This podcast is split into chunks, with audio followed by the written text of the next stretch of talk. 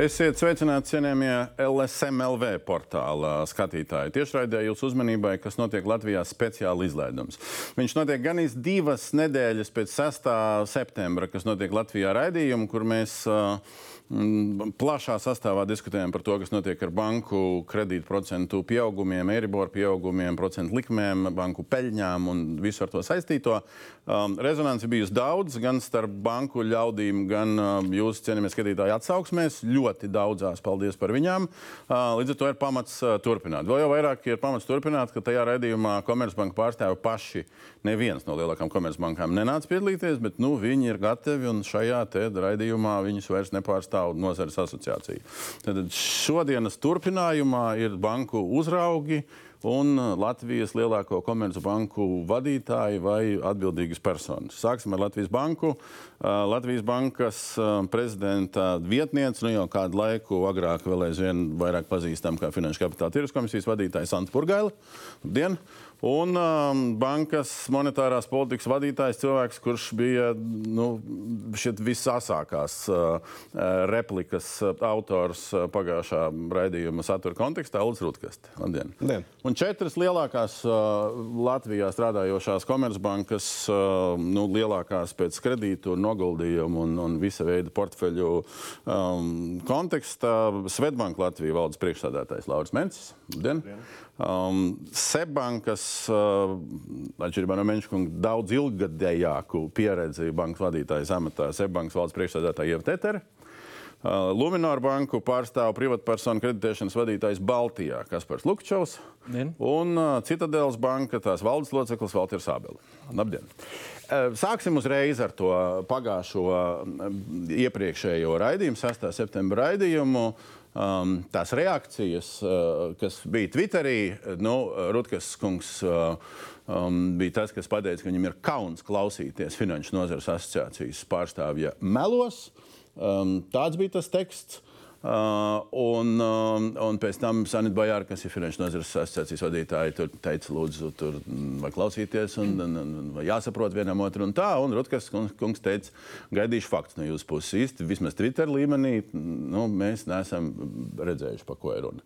Um, Finanšu nozares asociācija pārstāvēja valdes loceklis Jānis Brazovskis. Mēs esam salikuši vairākus no pagājušā raidījuma fragmentiem. Nostīsimies vispirms video. Nav tā, ka mēs varam tirgu aizņemties naudu uz 30 gadiem pie nulles vai 3% un nofiksēt to cenu uz visiem laikiem.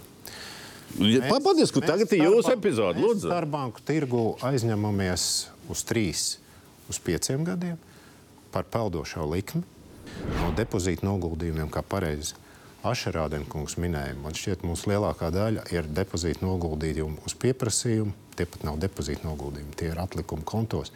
No tiem mēs ilgtermiņu finansēt nevaram. Pasakiet, cik jūs aizņemat naudu starpbanku tirgū? Nu, pagaidiet, viss, ko pamatā, kas viss ir iedots aiz, aizņēmumos, mūsu te, cik tur miljardos, pamatā tā visa faktiski nāk no starpbanku tirgus. Par to pievienoto likmi mēs, protams, arī varam bezgalīgi diskutēt. Bet, ja mēs tomēr uh, paskatāmies, uh, Padiskutējam nevis bezgalīgi, noņemam, bet galīgi. Noņemam nost valsts risku. Tad uh, tā likme uh, nu, būs pat mazāk, viena no mazākām. Kāda mums valsts lielāks risks par Grieķiju? Kas ir valsts risks? Nu, tās ir, mēs skatīsimies uz desmit gadu obligāciju ienesīgumu. Tur ir jāskatās, kāda ir nu, tā valsts riska prēmija.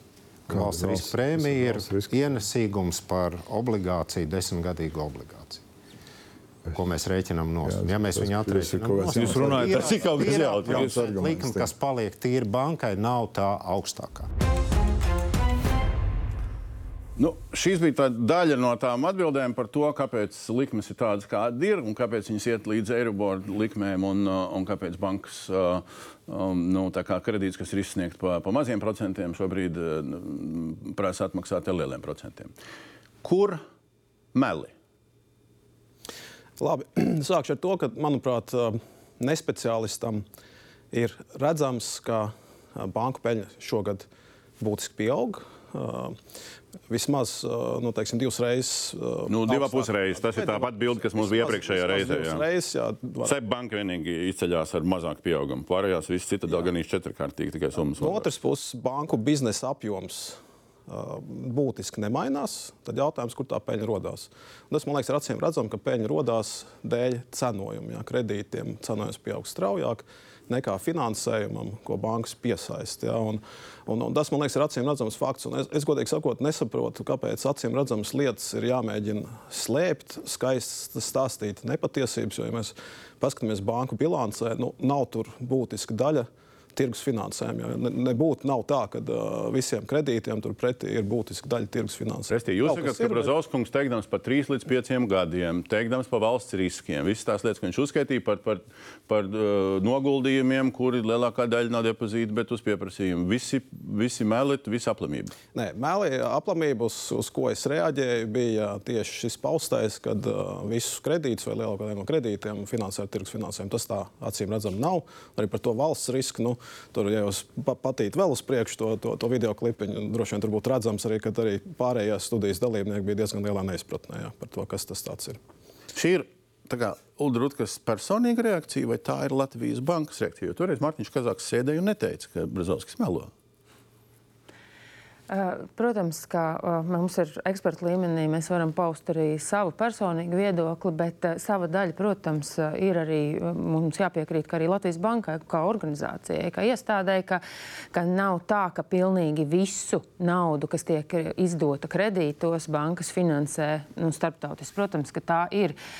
Tai ir jābūt sabalansētai finansējumam pretīm šiem izsniegtiem kredītiem. Ir jābūt un jābūt ļoti skaidram un saprotamam un daļa šī finansējuma arī ir noteikti starptautiskajos tirgos aizņemta nauda. Ja? Bet katrai bankai tas ir ļoti individuāli un, un kopumā, protams, tās bilances atšķirās. Un ar to jūs sakat, ka tā Latvijas bēdīgā vieta starp Eiropas vidējām likmēm, nu šis bija pa jūli, jaunāku datu nav, līdz ar Lietuvu divas pēdējās vietas uh, no, no procenta apjoma. Jūs sakat, ka uh, objektīvi tā likme varētu būt uh, mājokļu kredītņēmējiem mazāk, un biznesa kredīti arī. Jā. Ko jūs sakat pret šo, nu, es teiktu, apsūdzību? Es neteiktu, ka tā ir apsūdzība, tā ir droši vien faktu konstatācija. Uz eh, šiem datiem es skatos kā uz šī brīža situācijas fotografiju. Lutkas kunga teiktais arī faktu konstatācija. Es skatos, šobrīd uz šo, es, es skatos uz šo, es neiesaistos tiešā veidā tajā diskusijā. Es skatos uz šo Iesaistamies, nu, situāciju. skatāmies uz šito. Nu, par, ir vai nav mēli? par, par hipotekāro likumu uh, tātad, uh, līmeni uh, uz Eiropas Savienības fona. Banku bizness ir ilgtermiņa bizness. Tāpat kā mm, mājokļu kredīts teiksim, ir, ir daudz gadu, teiksim, 10, 20, 30 gadu kredīts. Ja mēs paskatāmies, piemēram, aizdītos desmit gadus, jā, tad Latvija nebūtu teiksim, neizceļās uz Eiropas fona kā dārgākā. Tā iemesla dēļ, ka mums teiksim, ir pamatā šis te mainīgo likmi princips, un tas nozīmē to, ka teiksim, aizdītajā desmitgadē mēs neesam maksājuši Vai vairāk Jānis nekā. Brazovskis visu pateica iepriekšējā raidījumā pareizi? Es teiktu, ka Jānis uh, pateica pareizi, izņemot varbūt to vienu nianses, ko arī Santa šeit minēja, ka pilnīgi visiem kredītiem pretīm netiek uh, aizņemta nauda starpbanku tirgos. Viņš neteica, ka visiem. Ne, viņš uh, teica tieši, ka kad visi tiek nofinansēti, un arī Santa šeit to izcēla, ka visi. Bet uh, es varbūt mēģināšu izstāstīt. Uh, Tas, tas, ko mēs, uh, nu, kā banka, ko mēs uh, redzam un ko mēs darām. Iedzīvotāju nauda lielākoties stāv patreiz norēķina kontos. Apmēram 75%, 80% mums ir norēķina kontos, 20-25% iedzīvotāju naudu ir uh, ieguldījuši termiņu noguldījumos.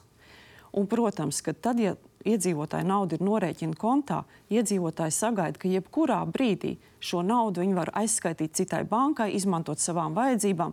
Tai naudai ir jābūt pieejamai uzreiz. Otrā Korekti? pusē. Otrā pusē bilancē mums ir aizdevumi uz 10, 20, Jā. 30 gadiem. Restī, jūs sakat, ja mēs paņemam to līkumu, kur mēs redzam, ka kredītu apjoms nu, pēc visiem remontiem, kapitāliem un, un, un kosmētiskiem uh, nokrita, un, un viņš tagad stagnē pēdējos gados, un noguldījumi turpina iet augšā, jūs ar šo sakat, ka mēs no tā zilās līknes tur nevaram to sarkano līkni lielākajā daļā uh, trīs Nē. ceturdaļās nevaram finansēt. Nē, tas, ko es teicu, ka mums ir jānodrošina, kā bankai jānodrošina, ka noguldījumi ir pieejami uzreiz jebkuram iedzīvotājam. Savukārt, hipotekāriem kredītam, kurš ir izsniegts 10, 20, 30 gadus, mēs esam līguši ar klientu, ka mēs neatprasīsim naudu uzreiz no šī klienta. Mēs drīzāk viņam vēl nāksim pretīm, pārskatīsim uh, atlikušo grafiku. Tāpēc mums ir jānodrošina, ka mēs sabalansējam to, ka mums ir pieejama nauda uzreiz, tad, kad klientiem to vajag. Un savukārt mēs neatprasām no kredītņēmēja, tad, kad mums vajag naudu priekš no, noguldījumu konta. Protams, kungs. Ja mēs nesabalansēsim, mēs būsim atpakaļ tur, kur mēs bijām pie, piemēram iepriekš, kad bankas kā Pareks banka. Nu, nevarēja situācija, sit, nu, cita situācija. Nu, Es, būtiski es cita. teikšu, konceptuāli korekti, bet ar piebildi par esošo situāciju. Atcerēsimies, ka mūsu kredītu īpatsvars pret depozītu portfeli ir ap 65%. Ja. Skaidrs, ka bankai ir jāvada likviditātes risks. Procentu likmju risku bankas veiksmīgi ir nodevušas saviem klientiem ar mainīgo likmju uh, kredītu līgumiem. Ja. Likviditātes risks ir jāvada, un līdz ar to skaidrs, ka pilnīgi pret visu depozītu portfeli nu, nevar izsniegt kredītus. Ja. Tur ir jā, jā, jāskalbā likvidī aktīvi. Jā, lai Pret cik lielu var? Uh, nu, tas ir jāprasa bankām. Es Komercbankā neesmu strādājis, bet nu, katrā gadījumā 65% depozīti, uh, kredīti pret depozītiem ir ļoti zems uh, rādītājs. Šajā gadījumā es godīgi sakot, arī neredzu problēmas, kad ar depozītu bāzi uh, tiek finansēta. Ja depozīta bāze mums nu, norēķina Depozīta bāze vai arī tie pieprasījuma noguldījumi? Jā, atšķirīgas. nogal, nu, tā, tā ir tāpat depozīta bāze. Tāpat depozīta bāze. Viņa, bet viņa nav tik svārstīga. Ja, praktiski bankas jau tos riskus uh, vērtē. Un, ja, ja, ja bankas, uh, nu, es bilancē, piemēram, saistību pusē, es neredzu būtisku tirgus finansējumu. Ja, ja mēs paskatāmies, tad, tad uh, parāda vērtspapīri. Kas ir tirgus finansējums? Ja banka bilancē apmēram 1% no Tas ir kopējā Latvijas. Jā, jā kopēji. Es pareiz nevaru runāt par individuālām bankām. Uh, finansējums- 1%? 1% finansējums no kredītiestādēm. Nu, pamatā tur ir mācība banka finansējums 5% no saistībām. Depozīti 78% no saistībām, nu, pārējais kapitāls rezerves un vēl atsevišķi sīkumi. Ja, tā kā pamata uh, finansējuma bāze ir depozīti. Ja. Un tirgus finansējums tur ir ļoti maza daļa. Nu, soli pa solim iesaistamies. Gudās eh, no savas puses pāris papildus nianses, bet te būs detaļas, tāpēc varbūt pakomentēt, ja ir pat dzīve. Saistības ir dažādas. Ir saistības parastās un ir saistības, kas atbilst MRL kritērijiem. Regulātori pēc iepriekšējās krīzes ir uzlikuši speciālas jaunas prasības. Ja bankai ir finanšu problēmas, viņai jābūt spējīgai daļu no saviem noguldījumiem ieskaitīt kapitālā, lai nav atkal valsts atbalsts. MRL prasībām Latvijā noguldījumi neatbilst. Tādi ir mūsu likumi. Līdz ar to, Citadelas banka ir izlaidusi 200 miljonu obligācijas starptautiskajos finanšu tirgos. Summa ir relatīvi maza, bet, ja mēs to nebūtu darījuši, mēs nebūtu pildījuši regulātoru Bet tas, ir, prasības. tas ietilpst tajā vienā procentā. Tas iespējams ietilpst vienā procentā. Tas ietilpst. Jā. Līdz ar to it kā jau tā summa ir maza, bet bez tās mums vienkārši nav licences. Tad nākošais leņķis, ko mēģināju jau pastāstīt, mēs jau varam rādīt to grafiku, bet kas ir svarīgs, bankai ir arī termiņš. Ja kredīti gari un noguldījumi ir īsi, tev vienmēr fonā jābūt plānam. Bet visā Eiropā mājokļa kredīti gari. Tieši tā. Un visā Eiropā, pieņemsim, mājokļu kredītus var izlaist ar covered bondu un piesaistīt finansējumu. Starp citu, visā Eiropā, vismaz dažās valstīs, šos bondus var ienest kā ķīlu Latvijas centrālajā bankā. To nevar šobrīd. Ja? Līdz ar to mums ir svarīgs, lai arī viņš neparādās bilancēs, ir svarīgs tas, cik ir tirgus finansējums, jo mums ir plāns B, jo mums nav iespējas visu šo ilgtermiņa aktīvu masu nofinansēt ar īstenību. Kopumā jūs sakat, nu tā līdzās citām lietām, ka regulators bišķi piežmiedzis mūs ir, un tas ceļ to, to resursu cenu. Bet te es gribētu Bet, teikt, bet, bet precizējam, jā vai nē? Es domāju, ka regulators nav mūsu piežmiedzis. Man liekas, ka regulators mazliet šobrīd skatās uz šī brīža fotobildi, bet neskatās uz ilgtermiņu lietām. Un tas ir tas, kas vismaz publiskajā komunikācijā būtu. Neskatās uz ilgtermiņa lietām. Nu, jā, nu, tur droši vien to galīgi negribētos pie, pa- piekrist, ka mēs neskatāmies ilgtermiņā, jo uzraugs un Latvijas banka kopumā šobrīd visu, ko mēs darām, ir vērsts tieši uz finanšu sektora ilgtermiņa stabilitāti, pieejamību un tā tālāk. Tas, ka regulatīvās prasības mainās, un atkal katrai bankai ir kaut kas individuāls. Ja kādam ir mazliet vairāk nepieciešams, iespējams, šis ārējais finansējums, kāds pats to nodrošina. Bet, kā jūs redzat, tie, tie cipari ir nenozīmīgi šobrīd. Ja, un esošā situācija joprojām pilnībā, protams, nodrošina to, ka ar dažādiem instrumentiem, un es piekrītu, ka mums ir jāiet tālāk arī ar šīm sektajām obligācijām, ar iespēju bankām daudz operatīvi vadīt savu likviditāti. Ja? Bet tās ir lietas, tas ir jādara. Ja? Bet, nu, es negribētu teikt, ka tā, tas nav ar ilgtermiņa skatījumu. Labi, pieliekam vēl ceturto viedokli klāt. Kā Lunārs vai, vai Lunāra bankā redz vēl kaut kā citādāk? Nu, man liekas, Valters diezgan labi ieskicēja arī to emerālu pozīciju. Tas, ko gribētos arī izcelt, ka, tad, kad mēs skatāmies arī uz šiem datiem, kur tad mēs atrodamies ar likmēm, ir jāņem vērā arī fakts, ka tur ietverts ir ļoti dažāda veida likmes. Tur ietverts ir gan fiksētās, gan mainīgās, gan dažādas. Fiksētās masas, fiksētās masas. Atkarībā no valsts. Mēs à, redzam, tur jā, kā, bet nu, Latvijā plašajā... mēs, mēs redzam, ka nu, fiksētā likme ir stipri mazāk. Mūsu situācijā mums ir mazāk. Tas ir viens, ko gribētu vērst uzmanību. Otrs ir par depozītu, termiņu depozītu izmantošanu cenošanā. Neapšaubām tā ir daļa no cenošanas politikas un tā, kādu resursu, kādu izmaksu veidojās tajā gala likmē, ar kuru mēs strādājam. Jā, neapšaubām mēs aizņemamies arī izdod, izdevuši esam obligācijas, piesaistījuši naudu, kas jā, ir, maksā noteiktā, noteiktā līmenī. Un, protams, ir dārgāk par to naudu, kas ir de, termiņa depozītos vēsturiski bijusi. Un to visu komplektējot, mēs redzam, kāda ietekme no naudas cenas atstāja uz gala likuma klientam. Tomēr ir vēl viens būtisks aspekts bez uh, naudas cenas, par ko mēs esam uh, maz runājuši šajos formos, ir kas kopumā veido likmi. Un bez naudas cenas likme veido vēl uh, ne tikai bankas varbūt uzcenojums, bet arī pamatdarbības izdevumi. Un pamatdarbības izdevumos iet, ietver, ietverts ir plašs lokus ar dažādām izmaksām, gan bankas pašas, gan regulējošām un tā tālāk. Un vēl viens aspekts ir tirgus lielums. Cik lielā tirgū mēs darbojamies? Nu, Igaunija arī nav un... baigi liela valsts. Jā. Jā, un tādēļ mēs esam diezgan līdzīgi arī. Uh, Slovenija tāda paša kā mēs, 4,17 pret mūsu 5,76. Nu, kas Slovenijai tirgu atšķirīgs? Es varu, varbūt... Kas atšķirīgs Slovenijai? Ja mēs paskatāmies šo grafiku tad. Ja pieņemot, ka Eiribors sāks kristies, un mēs jau zinām, ka vēsturiski Eiribors ceļās. Bet kāpēc mums jāpieņem nākotnē, nevis nu, runāt par tagad? Nē, nu, es, es varbūt bišķi iekomentēšu. Un tad paskatās, kas notiks. Tad? Kas notiks tad? Nē, jau, kā, pār, kā pārvietosies Latvijas pozīcija? Kā pārvietosies? Tagad nofiksējam mirkli. Viņš pārvietosies uz leju. Cik zemu? Nespekulēšu šeit, vienkārši ņemam ilgtermiņā. Tas, ņemam... tas, ko mēs Man... sākumā teicām, tas ir uh, fiksācijas fakts uz jūliju. Kāpēc? Tā ir fotografija šodien. Jā, kāpēc? Tāpēc, ka tur ir uh, iekšā augstā Eiribora likme. Un atzīsim visi, ka mūsu tā problēma, kāpēc mēs šodien šeit esam un runājam par augstajām uh, mājokļa cenām, ir tāpēc, ka ir cēlies Eiribors un Latvijai, Lietuvai, Igaunijai vēsturiski mums tirgiem veidojas. Precizējam. Mēs lielākā... šeit sēžam un runājam šito, Jāni, šito, šito nofiksējam. Daļa. Ieva, nofiksējam. Mēs šeit sēžam nevis tāpēc, ka Eiribors ir cēlies, bet tāpēc, ka cilvēkiem kopējā, kopējā likme ir cēlusies. Jā. Un cilvēki visos tajos mailos, ko mēs tūlīt sāksim preparēt detaļās, runā par to, vai tiešām, un tas ir kontekstā ar tiem meliem, vai tiešām viņiem ir visa summē, summārā likme jāceļ kopā uz augšu vai arī ņemot vērā, ka viņiem nauda nav visa izmaksājusi tik daudz, cik Eiribors. Ka viņi varētu pievienotās likmes laist uz leju. Tāpēc mēs šeit sēžam. Jā, Nevis Eiriborā. Tas, ko es saku, ka mūsu trīs valstis atšķirās no citām Eiropas valstīm ar to, ka mums ir vislielākais procents mainīgo likmju uh, cenošana klientiem. Vislielākais. To mēs tūlīt parunāsim. To mēs parunāsim. Kas jums pa tabuliņu? Un tāpēc tikko kritīsies Eiribors, kritīsies cena. Parunāsim par to, kas šobrīd notiek, pirms par nākotni saulēno. Referēt uz iepriekšējo jautājumu. Kas būtu, ja mēs paskatītos desmit gadu griezumā? Un tas arī mans komentārs. Šodienas skats vai desmit gadi?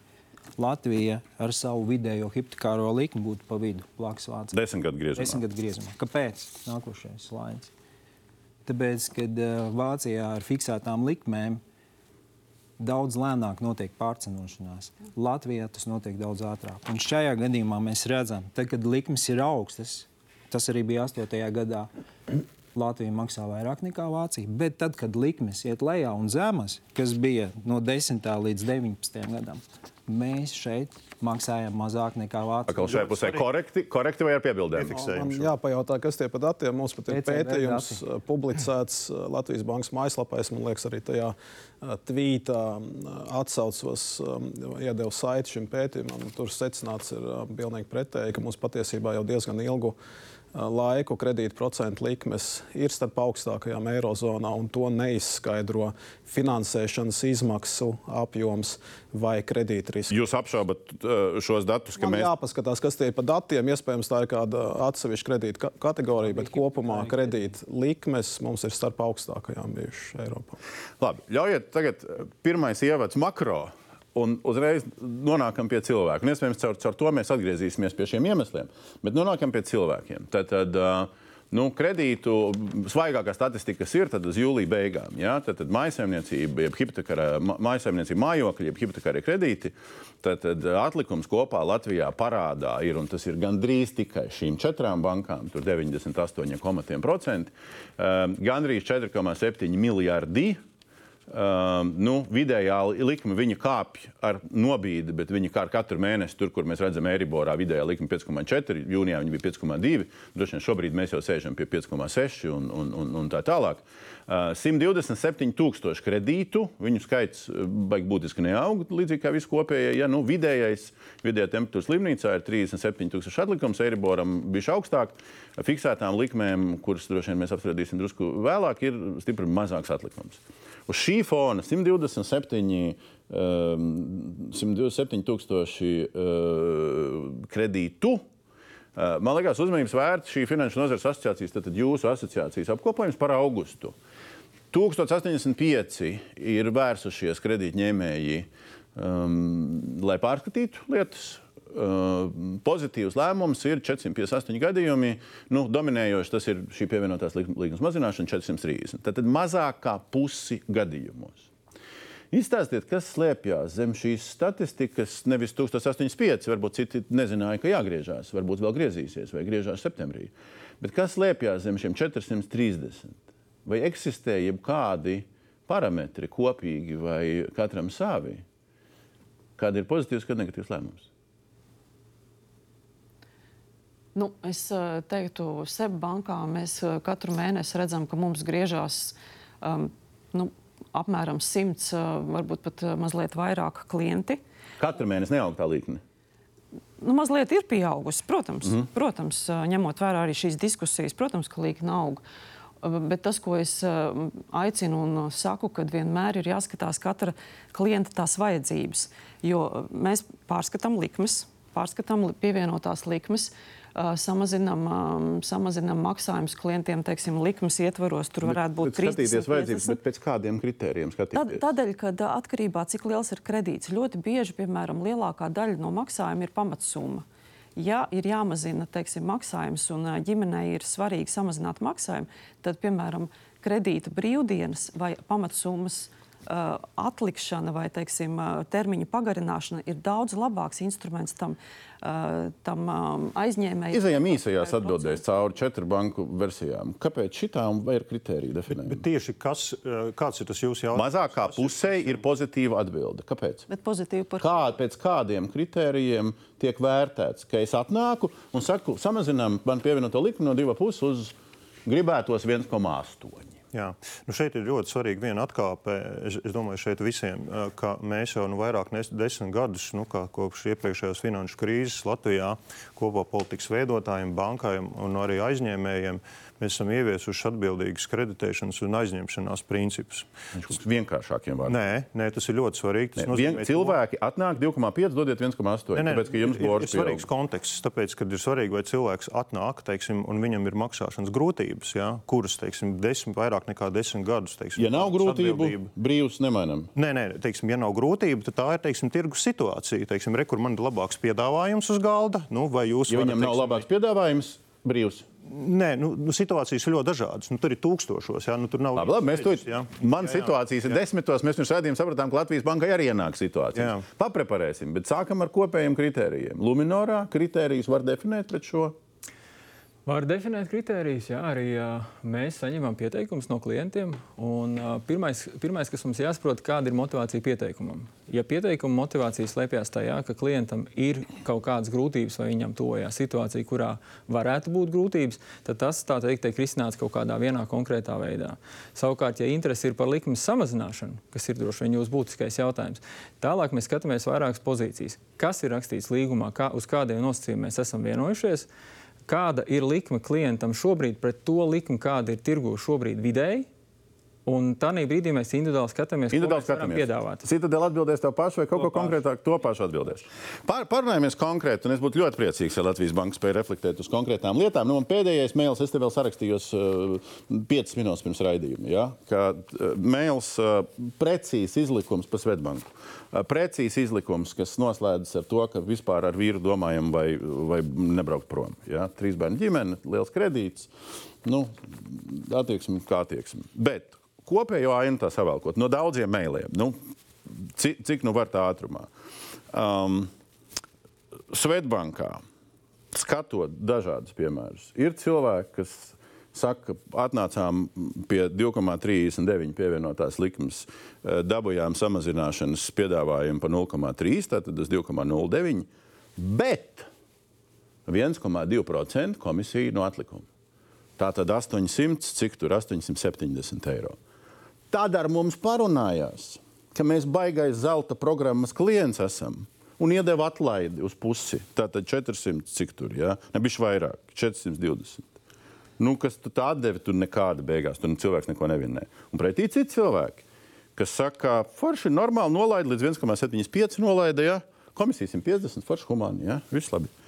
Um, Luminorā, eh, kas man likās spoži, nu, ar, ar, ar, ar tiešām ar, ar, ar riebumu, tas mēls bija rakstīts, piedodiet. Uh, divas trešdaļas cilvēks nomaksājis. Uh, protams, es nezinu otru pusi, ja, bet es at, atreferēju to, kas tur ir. Uh, 2,7 piedāvāja samazināt no 2,7 pa 0,1 līdz 2,6. Komisija 200. Citā gadījumā 200, bet piedāvāja no 2,5 uz 2. Mēs kā zem divi tur nedabūjām. Svetbankā bija zem, zem, zem, eh, zem divi. Luminārā mums kā nebija. Um, Citadelē tur arī nokrīt līdz 1,75 kaut kāds viens otrs piemērs. Un atkal tas pats. Akali komisija 850 iegriežam 850, bet tur tā komisija 0,75 tiek rēķināta. Um, bet, nu, vienalga nežēlīgi. Tas, nu, tu, ja tev iegriež vai ne 850 komisiju, nu, ko tu dari, tu nedari neko. Ja? Nu, un SEPS man ļoti patika viens piemērs, kad pilsonis uzrakstīja, ka bija man sākotnēji pievienotā likuma 2%, un šobrīd nomazinājusi 1,98. Tātad centu centu samazinājums. Ko tu? Un komisija? Nu, es neuzrakstīju tajā gadījumā komisiju. Um, nu, droši vien, ka kaut kāda komisija uzlika, jā, bet nu, principā nu, kā, nu, kāda jēga. Un tas, ko es nolasu no šitā, te, kad neviens nefigurē nekur, ka kāds nolaist līdz 1,5 pievienoto likmi, neskatoties uz boru, kurš tev iet pāri pa 4. Jā. Um, nav kaut kāda humāna stāsta. Nu, labi, nu, uzliekam komisiju bankā cilvēkiem jāstrādā, un liekam to 150, 200. Nu, bet ne 800. Jā nu, diametrāli pretēji tie, domāju, tie, tie cipari ir. Cenošana ir dažāda. Un, piemēram, Seibanka jau kopš pavasara ir atteikusies no visām komisijām saistībā ar mājokli. Mums nav komisijas ne tad, kad klienti nāk pārskatīt savus kredītu um, vajadzības. Es tam cilvēkam bija nulle, jūs garantējat? Jā. Labi, nu, no vienas puses, labi, no otras puses, ja viņam samazina par 0,02. Nu, nu, nu. Es nezinu konkrēto situāciju, kāpēc tieši tā, bet mēs samazinām arī daudz. Eh, daudz. Labi, bet, jūs, bet jūs, eh, jautājums ir, cik lielā mērā jūs piekrītat, ka neviens te neizskatās, ka laiž zem 1,7, 1,8 tas ir nedaudzos gadījumos, un otrs, ka komisijas kaut kā nu, ir virkni komisijas ir baigi augstās. Plus Sebankā vairākos gadījumos piedošana prasa, prasa novērtējums. Jā. Jā. Nu, nu, nezinu, mēs teiksim, tur droši vien tagad regulēsim cenas tādā izpratnē. Jā. Vienkārši ļoti svarīga teiksim, piebilde. Jā. Tur bija minēts par to, ka jābrauc prom no jā. valsts. Jā. Nu, tad es tiešām domāju, nu, ka tā ir situācija par, tiešām, par maksājumu grūtībām, jā, kur stāsta. Viņi prognozē, kas notiks. Viņi redz, ka oktobrī bors būs nākamais lecens. Viņi redz. Bet, tā, bet tās ir situācijas ar maksāšanas grūtībām, teiksim, kur ir pavisam citi risinājumi, un viņi nesaistās absolūti ar komisiju lielumu. Jā. Un tas jau ir faktiski šie instrumenti ir atrunāti jau aizdevuma līgumos. Un, principā, tad, kad klients vēršas pie bankas, arī viņam tiek izstāstīts visas šīs iespējas. Jā. Tā kā es teiktu, tā, ka mēs šobrīd nu, saka, neredam to situāciju no jauna. Jā. Vienkārši tagad tas ir aktualizējies saistībā ar strauju likuma pieaugumu. Kā Latvijas banka redz? Nu, Mārtiņš Kazāks tajā iepriekšējā raidījumā aicināja sūdzēties. Nu, daļa es redzu, ka sūdzās caur mēliem gan uh, gan eh, Latvijas bankā, gan, eh, gan es tur esmu adresātos. Daļa, kas man raksta, saka, pārsūtiet, es saku, pārsūtiet paši. Kā jūs redzat šo temperatūru šobrīd? Jā, nu tā temperatūra ir nedaudz uzkāpusi. Mēs arī redzam, ka uh, sūdzību, jeb tādu uh, stāstu, kas, kas nonāk līdz Latvijas bankai, skaits ir pieaudzis. Uh, mums gan vairāk nonāk tādi tiešām nu, būtiski un, es teiktu, smagāki gadījumi, kur tiešām ir vajadzīga jau tāda pieeja. Uh, restruktūrizācija, ja tur cilvēki ir nonākuši grūtībās. Mm -hmm. ja. Mums neienāk stāsti par to, par tieši par to pievienotās likmes, nu, maržas samazinājumu. Ja. Mums vairāk tiešām nāk tādi stāsti, un kur es redzu, un, un kāpēc mēs arī esam jau liekas, Latvijas banka jau pusgadu vairāk nojaušot, kas, kas nāk. Ja. Esam visu laiku runājuši par to, ka mēs nevaram un neregulēsim cenu, ja, bet mēs uh, esam veidinājuši bankas uh, būt ļoti sociāli atbildīgām šajā situācijā.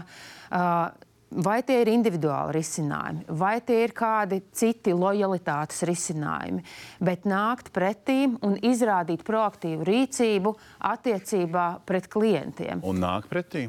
Daļēji, protams, mēs redzam, ka tā statistika ir. Mēs redzam arī, protams, tos gadījumus, kur varētu, varētu būt tā komunikācija labāka.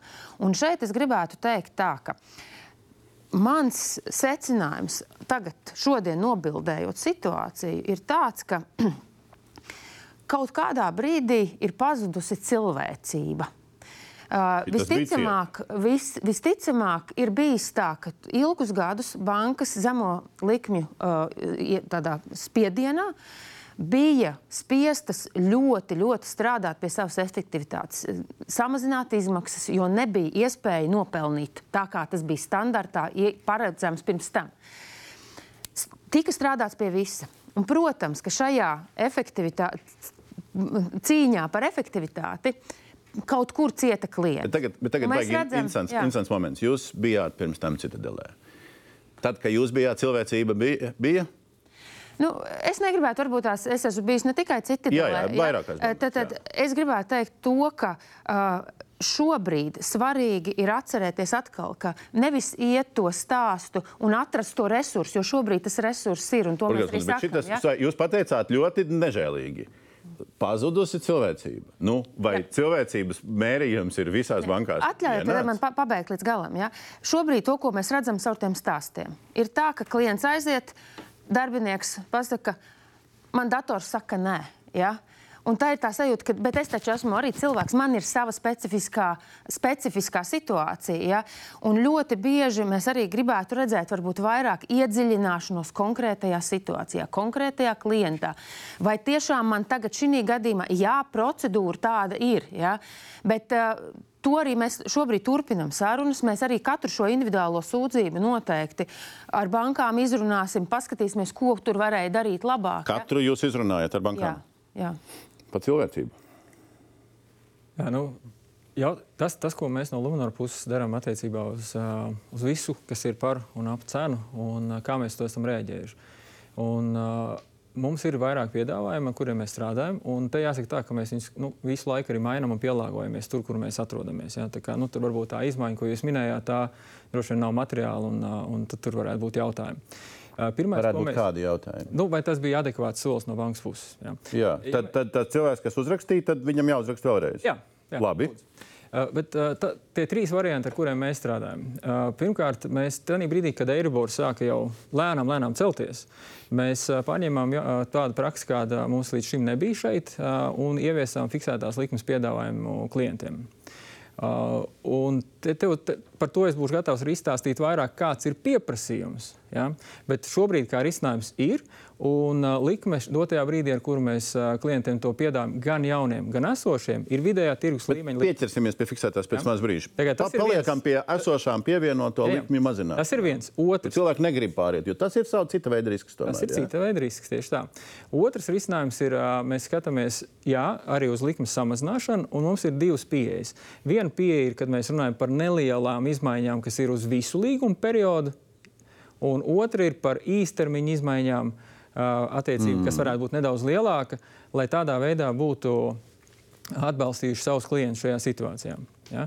Un trešais mehānisms, kas uz doto brīdi ir mazliet zaudējis aktualitāti, ja? ir mēs dodam klientiem elastību pārmainīt Eiribor termiņu. Kādu viņš izvēlās. Ja, brīvi pārmainīt no 6 uz 12 mēnešiem, kas pēc būtības ir zināma likmes fiksācija, bet ar drošību, ka pēc tam viss būs atkal atpakaļ.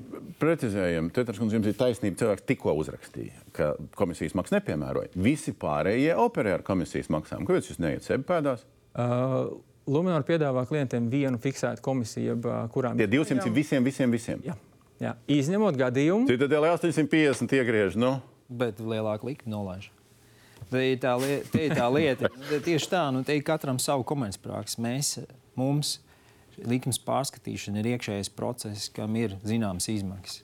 Mēs to darām bez cross-subsīdijām. Mēs piedāvājam likmi, mēs paņemam komisiju par darbu. Bet es domāju, ka uh, risinājums jau tai problēmai par likmes augstumu tiešām, man liekas, ātrāk jāpieiet pie diskusijas par likmes fiksācijām. Jo... Nē, nē, bet paliekam pie šī. Jūs sakat, komercpraksa, un tas ir labs jēdziens. Un ir vēl viens jēdziens, ko man uzrakstīja viens bijušais banķieris, ka ir agresīvā komercpraksa, kas ir aizliegta un kas man drusku nu, radojās ar to cilvēcības momentu. Ja? Agresīvā komercpraksa ir nesamērīgas ietekmes izmantošana, kas būtiski iet, nu, juridiskais formulējums. Nesamērīgas ietekmes izmantošana, kas būtiski ietekmē, ietekmē vidusmēra patērētāja izvēles vai rīcības brīvību. Rezultātā lēmums, ko citādi nepieņemtu, uh, nu, ir cilvēks ir spiests pieņemt. Ja? Un cilvēks, kas man šo uzrakstīja, viņš saka, es visu savu izglītību un pieredzi es netieku tālāk par 1,6, bet 1,6 viņš ir izsitis. Viņš ir nositis nost. Ja? No 1,5 tur vairāk, cik nu tur vairāk. Ja? Kurā mirklī robeža ir, un vai jūs vērtējat, ka tā ir agresīva padarīšana? Ja es varu par procentu likmēm. Uh, es noteikti nevērtēšu, tas ir agresīvi vai nē, bet mums arī no teiksim, kredīta reģistra datu analīzes izskatās, ka pievienotajām likmēm katrā bankā ir noteikti sava grīda, zem kuras viņi neiet, lai cik labs tas klients būtu. Vienkārši atduramies pret grīdu, un viens seši, ja izcīnīt, tad sapar nos, tas, tas tiešām ir ļoti Tā ir grīda šobrīd. Tas ir labs Visur. rezultāts. Jā, tas ir labs rezultāts. Uh, viens fakts, kas to, kas to apstiprina, ja mēs paskatījāmies top 5 zemākās mājokļa likmes Latvijā. Vidēji ir joprojām augstāks nekā Eirozonā vidēji. So mēs varam prezumēt, ka labākās Latvijas maksātspējīgākās mājsaimniecības, kas iet pēc mājokļa kredītiem, joprojām nu, no kredīta riska, citu viedokļu varbūt Bet, bet, bet, precizē, bet precizējam, 1,6 tas ir tiem, kas tagad pārskata. Nē, ka- katrā bankā tur ir droši vien uh, citi cipari, bet izskatās, ka tā grīda ir kaut kur jāpieņem 6. Nē, nu, bet tie, kas dabūja mazāk, tiem tā arī palika mazāk. Saulē. Jā, iespējams, ka tā ir. Ja līgums nav grozīts Jā, es vienkārši, es vienkārši esmu tāds piemērs, ja savulaik vēl tālajos pirmskrīzes gados. Man jā. savulaik arī bija fiksēta likme un, un diezgan izdevīgi fiksēta likme. Labi, bet jēdziens ko, komercprakse, nu es prasīšu no otras puses, laba komercprakse vai labā, vienkārši labā prakse. Jūs vē- vērtējat šādu jēdzienu pret šīm te grīdām vai jebko citu, vai pret cilvēcībām? Kas ir laba prakse? Jo, jo tas nākošais, kas man nāk, tas mēlos, ja? man nāk mēlos, un tas nāk, man liekas, ka gan pa visām bankām, nu, Luminors varbūt teiks, ka nav taisnība, ka visas bankas cenšas vairāk mutvārdos runāt un telefoniski un mazāk sarakstīties. Kas nozīmē neatstājam pēdas, ja nu gadījumā būs sūdzības un strīdi, ja? jo telefons ir telefons. Ja? Vai arī mums vienkārši mazāk laika aiziet, lai visu to pašu ka tā pastāstītu. ir efektivitāte. Un kā efektivitāte. Ja? Tas, tas ir par to, ka mēs gribam Un otrs, atrisināt. un otrs nu, kā, un tur man liekas, tas piemērs bija Luminors. Es labošos, ja, ja es tagad kļūdos. Bet, kad vienreiz piezvanīju, saka, pēc desmit uh, dienām atzvanīs, bet tas varbūt tiešām nav svarīgi, kur banka. Bet uh, vienreiz piezvanīju, saka, atzvanīs, neatzvanīju pēc tam desmit dienām. Un tad cilvēks vienkārši saka, nē, es tagad jums rakstīšu, jo efektivitātes nekādas. Un tad pasakā, nu pēc mēneša atbildēsim. Mhm. Jā, nu, varbūt tā. Ja tiešām atkal dalot to pa, pa frakcijām, ja, ja, ja cilvēkam ir tiešām maksāšanas grūtības, ja, tad, kā minēju, Svetbānka gadījumā, pat pašā aizdevuma līgumā ir kontraktuāls pienākums teiksim, bankai atrast risinājumu, teiksim, un tie ir nodefinēti, jā, ja cilvēkam teiksim, tāda vajadzība rodās. Jā. Tas nozīmē, tas nav teiksim, atbildēt vai neatbildēt rakstiski vai mutvārdos. Tas pat ir kontraktuāli atrunāts situācijas, kā cilvēks var risināt maksāšanas, maksāšanas grūtības interpretāciju. Maksāšanas grūtības un tā, tā komercpuse. Nu, ja mēs neejam, tad ne, bet, bet kā mēs definējam maksāšanas grūtību? Nu, man teiksim, tur ir jāmaksā summa X man nokritās, tur nezinu, atlaid no darba, nu, man kaut kas tur noguldījums ir. Maksā, kas, kurā mirklī man ir grūtības? Maksāšanas grūtības tas ir teiksim, tas ienākuma īpatsvars, teiksim, kas no, no mēneša ienākuma īpatsvars, kas cilvēkam ir jānovirza kredīta saistību apkalpošanai. Mums pat ir regulatori noteikts, ka mēs teiksim, izvērtējam jaunus kredītus. Mēs nevaram teiksim, vairāk novirzīt saistību apkalpošanai vairāk kā 40%. Jā. Bet pie esošiem tas... grūtība ir 40%. Nē, nu, tas, tas, tas šobrīd ir tas kritērijs. Jā. Un skaidrs, ka teiksim, cilvēks ir maksā. Cik garā periodā? Nu, ziemā maksā vairāk par apkuri procentu. Tāpēc es stāstu par šo ilgtermiņa atbildīgas aizdošanas praksi. Ja mēs desmit gadus esam uzbūvējuši tādu atbildīgas aizdošanas un aizņemšanās praksi, kad šī situācija, ka tiešām, un es pilnīgi piekrītu, ka tas likuma kāpums ir tik bijis tik strauji, ja, tad īstenībā tas klientu skaits, kam tiešām šīs uh, grūtības ir tādas, ka viņi nevar apkalpot šo aizdevumu, ir relatīvi mazs. Jā, jā. Tāpēc jau mēs runājam nevis par jā, jā. tiem, kam tas, jau ir grūtības, tas, viņi ir bet, pieauguši, jā. bet tiem, kas pieauguši, redz, kā tā līkne viņas dzen, nu, tiem, kuri vienkārši redz šo eiriboru. Nu, viņi saprot, kas notiks pēc ceturtdienas. Un ja mēs vēl pieliekam klāt nākotnes, piemēram, aizņēmumus, nu, faktiski nu, eh, mājokļu iegāde tas ir nu, teikt, vienreiz vai divreiz dzīvē. Tas ir viens no svarīgākajiem tādiem finansiāliem lēmumiem. Un līdz ar to aiz tā stāv ļoti garas konsultācijas, tostarp starp klientu un banku. Un mēs, piemēram, redzam, ka mēs pagājušajā gadā esam konsultējuši klientu klientu. Viņš ir interesējies, kādas būs manas aizņemšanās kapacitātes. Es gribu nolūkot savu īpašumu. Jā. Mēs esam izvērtējuši viņa ieņēmumus, okay, sapratuši, viņš varēs aizņemties tādu summu. Paiet gads, viņš šobrīd nāk uz banku. Jā. Viņš saka, es gribu tagad pirkt to īpašumu, ja? bet mēs sakām, diemžēl tagad ir procentu likmes celšās, inflācijas eh, rezultātā arī pārējās izmaksas, un mēs pat nevaram aizdot viņam to summu. Ja? Tā kā nu, šeit ir ļoti daudz šķautnes. Vai, vai mēnesi neatbildēt uz jautājumu, man te austiņā kolēģi apstiprināja, ka tas bija Luminor gadījums, vai mēnesi neatbildēt vienkārši uz jautājumu, vai jūs pārskatīsiet man pie, pie, pievienoto likumu, vai tā ir laba praksa? Oh. Mēs saņemam daudz dažādas pieteikumus, katru mēs eh, izvērtējam, un uh, mūsu standarts ir atbildēt klientam maksimāli īsā termiņā. Nu, uh, šis konkrētais gadījums ir acīm redzot noklīdis, un tur var klientam tikai atvainoties. Tā, kā, tā nav tā praksa, ko mēs Pa ko jūs esat? Bet, ja tas pieaugs, tad bankas, protams, arī to savu servisu solījumu piekuriģēs. Jā, jo piecas pieteikumus var atstrādāt teiksim, divu dienu laikā, nu, teiksim, tūkstotis nevar tik ātrā laikā. Jā, nu tūkstotis katrā bankā vēl netuvu. Nav, es saprotu nu, jā, no tā šitās statistikas. Jā, tas vēl ir tālu. Pa ko jūs esat mēdījāties pie, pie 1,6 grīdas? Nē, es domāju, ka uh, nav mums tādas grīdas. Nu, vismaz manā bankā, es nezinu, protams, kā ir kolēģiem, bet man nav tā, tā ka būtu noteikti kaut kāda grīda. Katrs klients tiek vērtēts atsevišķi, un noteikti ir klientu portfelī ļoti dažādas cenas atkarībā no tā, kāda ir riska, riska profils tam klientam. Nu, jautājums, cik jūs gribat kādu arī dabūt no citas bankas pārfinansējot, vai ne? Pilnīgi noteikti tā ir komerces situācija. Tā kā mēs teicām, ja ir labāks piedāvājums un, un mēs gribam uh, klientu vai nu paturēt pie sevis, un, un, uh, vai arī pārkreditēt, tad, protams, ka mēs piedāvāsim tādu, kādu mēs uh, tajā brīdī izvērtējam. Nav noteikti. Citadēlē grīda ir? Ir bet no stīkla. Bet es domāju, ka jāsaprot, ka ir taču kaut kādas finansējuma izmaksas, administratīvās izmaksas, kas, protams, to grīdu uzbūvē. Bet es piekrītu Ievai, ja labam klientam ir iespējas piedāvāt labas likmes. Bet man liekas, ka kas līdz galam tā nav izskanējis šobrīd, jo es saprotu, ka tas fons un uztraukums ir par nosacītu 8. gada scenārijiem, aizbraukšanām Nē. un vēl visu pārējo. Ja? Tas, ko es gribēju pateikt, ir, es pats arī savu kredītu skatos, un mēs paskatījāmies arī citadelē, ja vidējo kredītu summu šobrīd paskatās, tad tas risinājums, par ko šeit mēs visi runājam, likmes samazināšana, dod daudz mazāku efektu pa kabatu nosacīt izsacoties, nekā tas, ko bankas piedāvā pamatsums atlikšana.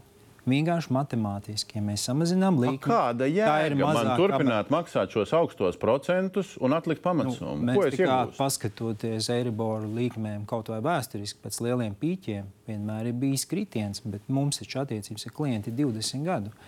Kā tad mēs to pievienoto likmi pēc tam Un jūs tagad brīvprātīgi gribat teikt, ka jūs masveidā pie, piedāvājat atlikt pamatsummas un neviens nepiekrīt? Nevis masveidā, bet tiem, kam ir finanšu problēmas. Viņiem ir iespējas nākt uz banku. Mēs to darījām liekas, mēs visu laiku runājam par divām paralēlām lietām. Nu, jūs visu laiku pieminat tās finanšu problēmas, bet, nu, ja es saprotu, arī tas cilvēcības jautājums ir, kā attiecās pret cilvēkiem, kam vēl nav nu, reālas finanšu problēmas. Bet viņam situācijā, ka energoresursi pieaug, tā kā viņi pieaug, pārtikas cenas pieaug, tā kā viņas pieaug, algas vairs reālā pirktspējā netika līdzi. Vienkārši cilvēki nu, sāk žmiegt, nu ko? Nu, bērnu izglītību, ko tu nožmiegs? Veselību, ko tu tur nožmiegs? Ja? Nu, vienkārši vienā momentā. Un es, jā, Jā, varbūt tas, ne- bet jūs varat pabeigt. Es pabeigšu ar jautājumu Latvijas bankai.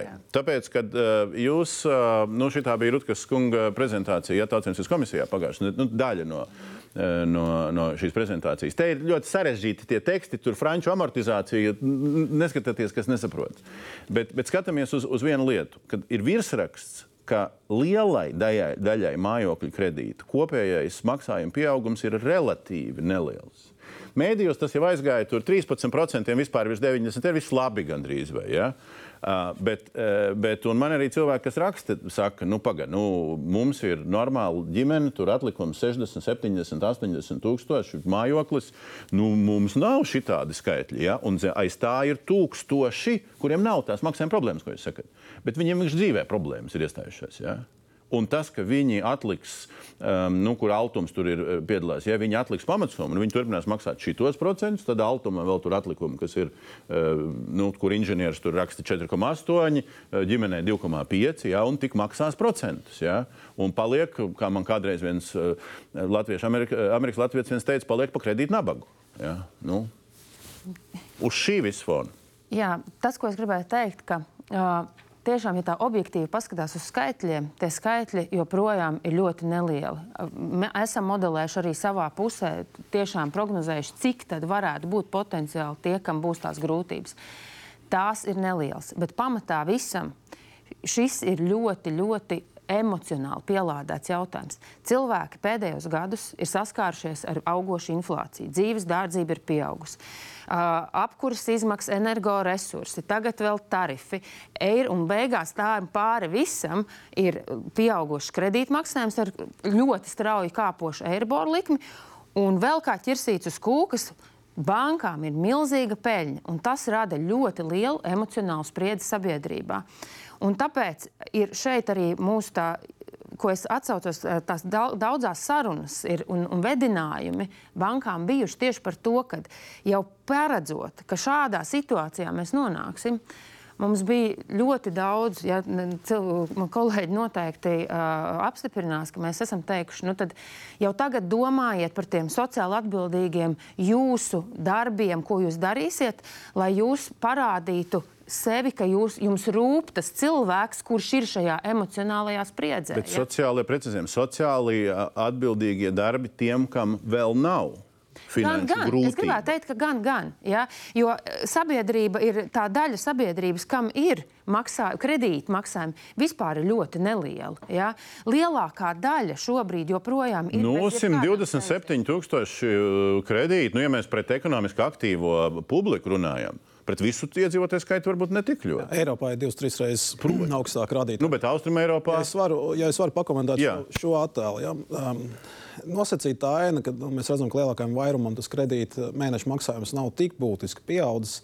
Tas atspoguļo lielā mērā vienu procesu. Kreditēšana ir bijusi diezgan gausa uh, ilgu laiku periodā. Ja, daudziem tie kredīti uh, apjomi ir noamortizēti. Nu, liela daļa ir atmaksāta. Ja, un palicis nu, kaut mm, kāds neliels tāpēc tas atlikums tik zems. Jā, tiem, kam ir vai nu nesen ņemts kredīts, vai nu, lielam teiksim, privātmājas pirkšanai ņemts kredīts, tiem, kam ir um, jau bijuši nu, pietiekoši zemi ienākumi kredīta ņemšanas brīdī, viņi tur līdz tiem 40% arī tuvu tur ir aizņēmušies, vai kas ir ģimenei, teiksim, kāds no pelnītājiem ir zaudējis darbu, no tur es, es teikšu, maz neliekās. Es domāju, tā šobrīd šī brīža situācija. Ja.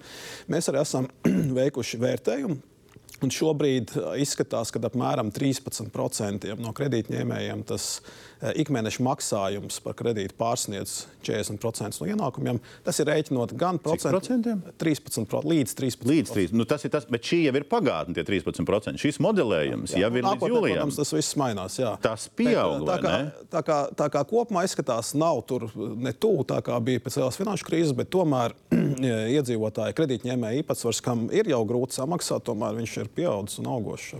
Nu, mēs redzam, ka situācija jau ir šobrīd saka, jāmonitorē arī uz nākotni skatoties, ja, jo, jo inflācijas slāpēšanas pasākumi joprojām ir ļoti aktīvi. Eiropas centrālā banka turpina celt likmes, ja, un mēs daļa, kā, no Eiro, kā, kā mēs, kā Latvijas banka daļa no eiro sistēmas, mūs, mēs šeit realizējam savu primāro mandātu cīnīties ar inflāciju. Ja, un tas ir ļoti jāsaprot, ka Pagaidām, paga, uzraudzība ir sekundārs mandāts. Šeit ir, uh, šeit, nē, nu, ir dažādi, ir, uh, nav, nav sekundārs, bet ir un es gribētu cerēt, no, ka nav sekundārs. viens no primāriem mandātiem. Ja, uh, tad, tad, un šeit ir ļoti svarīgi, ka inflācija ir cīņa ar inflāciju ir daudz būtiskāka, jo tā skar pilnīgi visu sabiedrību. Ja?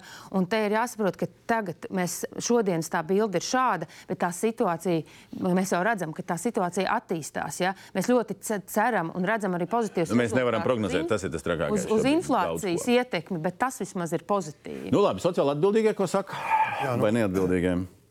Es gribēju vienkārši eh, paturpināt jā, par to, nedaudz arī paplašinot varbūt, to mūsu sarunas tēmu loku, ko, ko tad bankas dara šajā situācijā. Piemēram, Svetbanka jau no marta mēneša, ņemot vērā teiksim, šo te situāciju, ka strauji ir augušas procentu likmes, inflācijas rezultātā, protams, ir sadārdzinājusies nu, katrai mājsaimniecībai un arī uzņēmumam tā tāda ikdienas dzīve.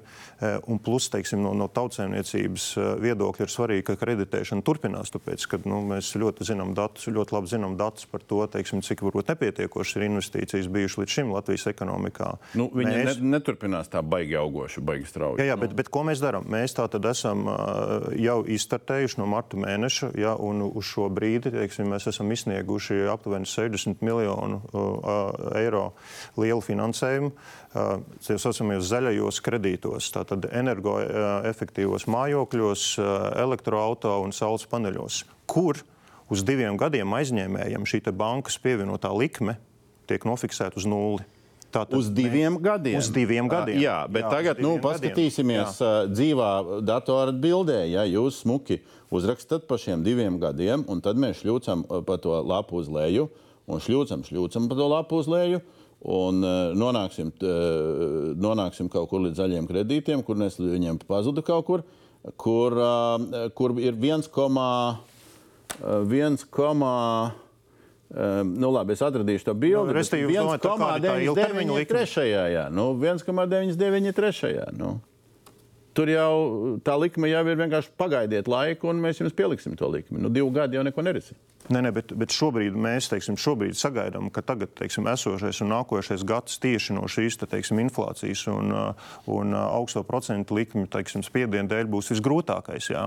Un tāpēc teiksim, šis ir veids, kā banka var iet pretī un palīdzēt aizņēmējiem. Ja mēs ilgtermiņā, ja mēs ilgtermiņā Domburkungs aizdosim uh, kredītus ar pievienoto likmi nulli, tad regulators būs pirmais, kas pie mums atnāks. Menškungs, bet, bet izstāstiet man, kāpēc jūs mulsinat to mazizglītoto cilvēku? Cilvēku un piesaucat savā piedāvājumā, šeit ir iekrāsots, ir Eiribora, kas bija janvārī. Mēs atrodamies septembrī. Nu, kāda vēlna pēc jūs čakarējat publiku ar 2,7?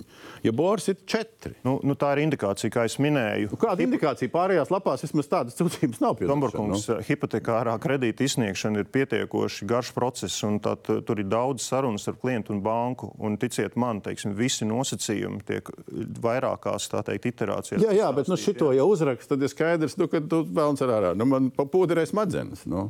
Jā, bet nu, neviens klients, tātad, teiksim, nu, pie, pieņemot lēmumu par uh, kredītu ņemšanu, teiksim, nu, nebāz, viņš balstīsies uz aktuālu informāciju, un banka viņam to izstāstīs. Bet, Jā. bet atgriezīsimies par to, ko es stāstīju. Tātad, ko dara banka šī gadījumā Svetbanka? Ja? Tātad mēs ejam pretī kredītņēmējiem Un tā tad nodrošinām šos aizdevumu nosacījumus. Un prasām 1,99% kā, kā pa, pamata pievienoto likumu vai universālo pievienoto likumu. Tas ir uzrakstīts. Nu, tā ir šī gadījumā indikācija. Tā kā jau šeit mēs runājam, ja tie gala nosacījumi var atšķirties. Nu, teiksim, visiem klientiem vienāda likuma nebūs. Tāpat kā citi redz savu sociālo atbildību. Nu, es domāju, tā kā arī eh, Santa teica, mēs par šo jautājumu runājam jau kopš gada sākuma. Es teiktu, agrs pavasars, kad mēs sākām runāt. Un, kā jau arī jau iepriekš teicu, Seibanka bija tā banka, kas reaģēja un teica, mēs atlaidīsim visas komisijas mājokļu kredītiem, neatkarīgi vai tas ir grozījumiem vai pārkreditēšanās nu, bankas maiņa. Ja? Un aicinājām klientus nākt un runāt un vērsties, ja, piemēram, maksājumus nu, ir par lielu ģimenei. Un mēs arī redzam, ka nav tā, ka mums visi tie simti, kas mums nāk, nāk tāpēc, ka ir finanšu grūtības, jauni maksājumi. Ir vairāk klienti tādi, kas saka, nu, es redzu, ka man tagad, piemēram, enerģija sadalījuma tīkla maksā tik, bērnam skola tik, un es nevaru maksāt vairāk kā. Un arī šos jautājumus mēs visus risinām. Tas nenozīmē, ka uh, ka tās ir finanšu grūtības. Iespējams, ka tas ir īstermiņa kaut kāds posms, kamēr ģimenei ir nu, jāsakārto kaut kāda līnija. Labi, jūsu gadījumā līdzīgi skatāmies mājaslapu. Visas mēs te paskatījāmies cauri salīdzinoši interesanti. Ja? Ir bez komisijas jāsmuka reklāma, ja? bet ejam tālāk. Jums tas arī tas zaļais smuki ir un virs tā zaļā arī ir piemērs 1,9 gadā plus 6 mēnešu bors, te ir atsaucis uz maiju. Nu, Bišķi svaigāks. Ja? Nav uz janvāra, ir uz maiju. Nu, arī nav baigi svaigs. Ja? Nu, es atvainojos, uh, esmu atjaunojis. Bet, bet, uh, bet 1,9. Nu, te mēs atgriežamies pie tā raidījuma sākuma. Ja? Vai 1,9 Eh, skatoties uz esošām banku peļņām, ir tiešām tas samērīgais, sociāli atbildīgais procents. Mēs jau nu pat runājām, ka tā reālā dzīve un tā konkurence banku starpā ir daudz asāka un straujāka. Tāpēc tā indikācija, kas ir mājaslapā, nekad nebūs katram klientam pieejama. Latvijas banka visu laiku saka, ka nesot konkurences. Rekuskan, ka ir konkurence. Konkurence ir nepietiekoša. Droši vien, ka vispār nav konkurences, tad es melotu, ja tā, tā teikt. Ja, bet tam, protams, ir vairāk, vairākas indikācijas. Ja, un viens, ko es minēju, um, kredītprocentu likmes mums ir bijušas ar augstākajām, tā skaitā arī lielajiem kredītiem, ko banka saka par lieliem uzņēmumiem, lieliem kredītiem. Tā konkurence ir asāka. Arī tur mēs esam bijuši nu, teiksim, stabili um, Eirozonas augstāko kredītprocentu likmi galā. Ja. Un, kā jau minēju, mēs vērtējām, nu, tur var būt dažādi objektīvi arī faktori. Nu, piemēram, mums tiešām objektīvi tas kredīta risks ir lielāks. Ja, bet nu, nav tā ar kredīta risku un ar finansēšanās izmaksām mēs nevaram izskaidrot tās procentu likmes. Tas nozīmē, ka tur ir nu, vienkārši kā saka, kredīti ir nu, teiksim, izsniegti ļoti piesardzīgi. Kredīta portfels ir diezgan drošs, um, tikai labākie klienti, maksātspējīgākie. Ja, bet, bet cenojam šos kredītus tā, kā mums visi tie riski būtu uh, teiksim, pēc pilnas programmas bilancēs iekšā. Aizseramies tagad, vai faktiski atgriežamies pie fiksētās likmes, ko Abelskungs teica un ko Lunčs piedāvā vienīgajā no četrām mājaslapām. Publiski nosauc to, um, to mājaslapu. Vispirms, vai jūs varat izskaidrot no Latvijas Bankas puses tajā statistikā, kad fiksētās likmes vidējais procents ir 8,2%, nu, kas izklausās nu, nežēlīgi augsts, bet tas atlikums ir ļoti niecīgs - 9,3%. Vai nu, man cilvēkam es lūdzu uh, kaut kādus komentārus, viņi teica, nu, ka tas nav tāds, nu, tāds universāls mājokļu portfelis, tie ir kaut kādi tādi nu, bēdu stāsti, kuri pēc tam realizēt tur, tur ir grūti. Divi, divi tipi kredīti. Viens kredīts, kas ir nu, standarta mājokļu kredīts ar, ar nekustamā īpašuma ķīli, jā, ar hipotēku. Jā. Tur tās procentu likmes ir zemākas, bet es gribētu teikt, ka visus šos garos gadus, kad, uh, procentu, kad nu, teiksim, tirgotās mainīgās procentu likmes bija zemas, Ja Eiropā teiksim, šādus kredītus izsniedz ar 2-3% fiksēto likmi, tad mums izsniedz ar 5-6%. 5% fiksēto likmi. Tur, protams, variācija kā kurā bankā, bet nu, tās ir tipiskākās likmes, ja es šobrīd saucu. Jums tad ir piekrīt jau. Tad ir, tad ir, tad ir otra um, kredīta daļa, kas ir mājokļa kredīti bez hipotēkas ķīles, kas ir acīm redzot vairāk remontam un tādām lietām, vai, ko es esmu dzirdējis praktiski arī uh, īpašumu iegādē laukos, uh, kur, teiksim, hipotāros kredītus nu, ma mazāk uh, izsniedz, jā, un kur ir grūtāk pieejami. Tur savukārt tie termiņi ir īsāki, un tur tās likmes arī nu, var būt 15 un, un 17. Un, un šī fona, ja mēs tagad paņemam Lunčūsku lapu, ja, kur Lunčūska saka, uz trīs gadiem, nevis uz desmit. pat ne uz 5, bet uz 3. Fiksētā likme 5,4. Nu, tad jautājums, ko līgumā ar maziem burtiņiem ieraksta, kas pēc tam? Ja? Un, un kādas ir iespējas? Ko jūs rūpēs par kredītņēmēju? Sakat, kā skatīties? Uz fiksēto likmi piedāvājumu. Jā. Piemēram, šo vienīgo, kas publiski, jo pēc tās pagājušā raidījuma te, nu, man arī vesels trīpa izlabājās, ka nav neviens nepiedāvā fiksētās likmes, nu, runājot par pārējām bankām. Sasaistot ar konkurenci. Ja, tas, ko mēs arī esam skatījušies Eiropas mērogā, nu, tas tirgus koncentrācijas rādītājs ir diezgan liels. Tas nozīmē, ka teiksim, mazāks banku skaits teiksim, uh, uh, nodrošina lielāko tirgus daļu. Mājokļu tirgu četras bankas, gan arī visu tirgu, ja uzņēmumu kredītu tirgu tur arī lielāka. Trīs ceturdaļas trīs ceturdaļas. Jā. Mēs redzam Eiropā uh, pozitīvu sakarību. Jo lielāka tirgus koncentrācija, jo lielāks mainīgo likmju īpatsvars kredītportfelī. Tam ir zināma loģika, ja bankai ir iespēja to cenojumu un piedāvājumu veikt, un tā konkurence nav tik asa, tad, protams, banka veidos sev izdevīgāku uh, šo praksi. Jā, un bankai izdevīgāka praksa ir šo teiksim, procentu likmu risku nodot klientam, nevis uzņemties pašai. Nu, bet nu, un, bet ko viņš var izdomāt par to 5,4 šobrīd?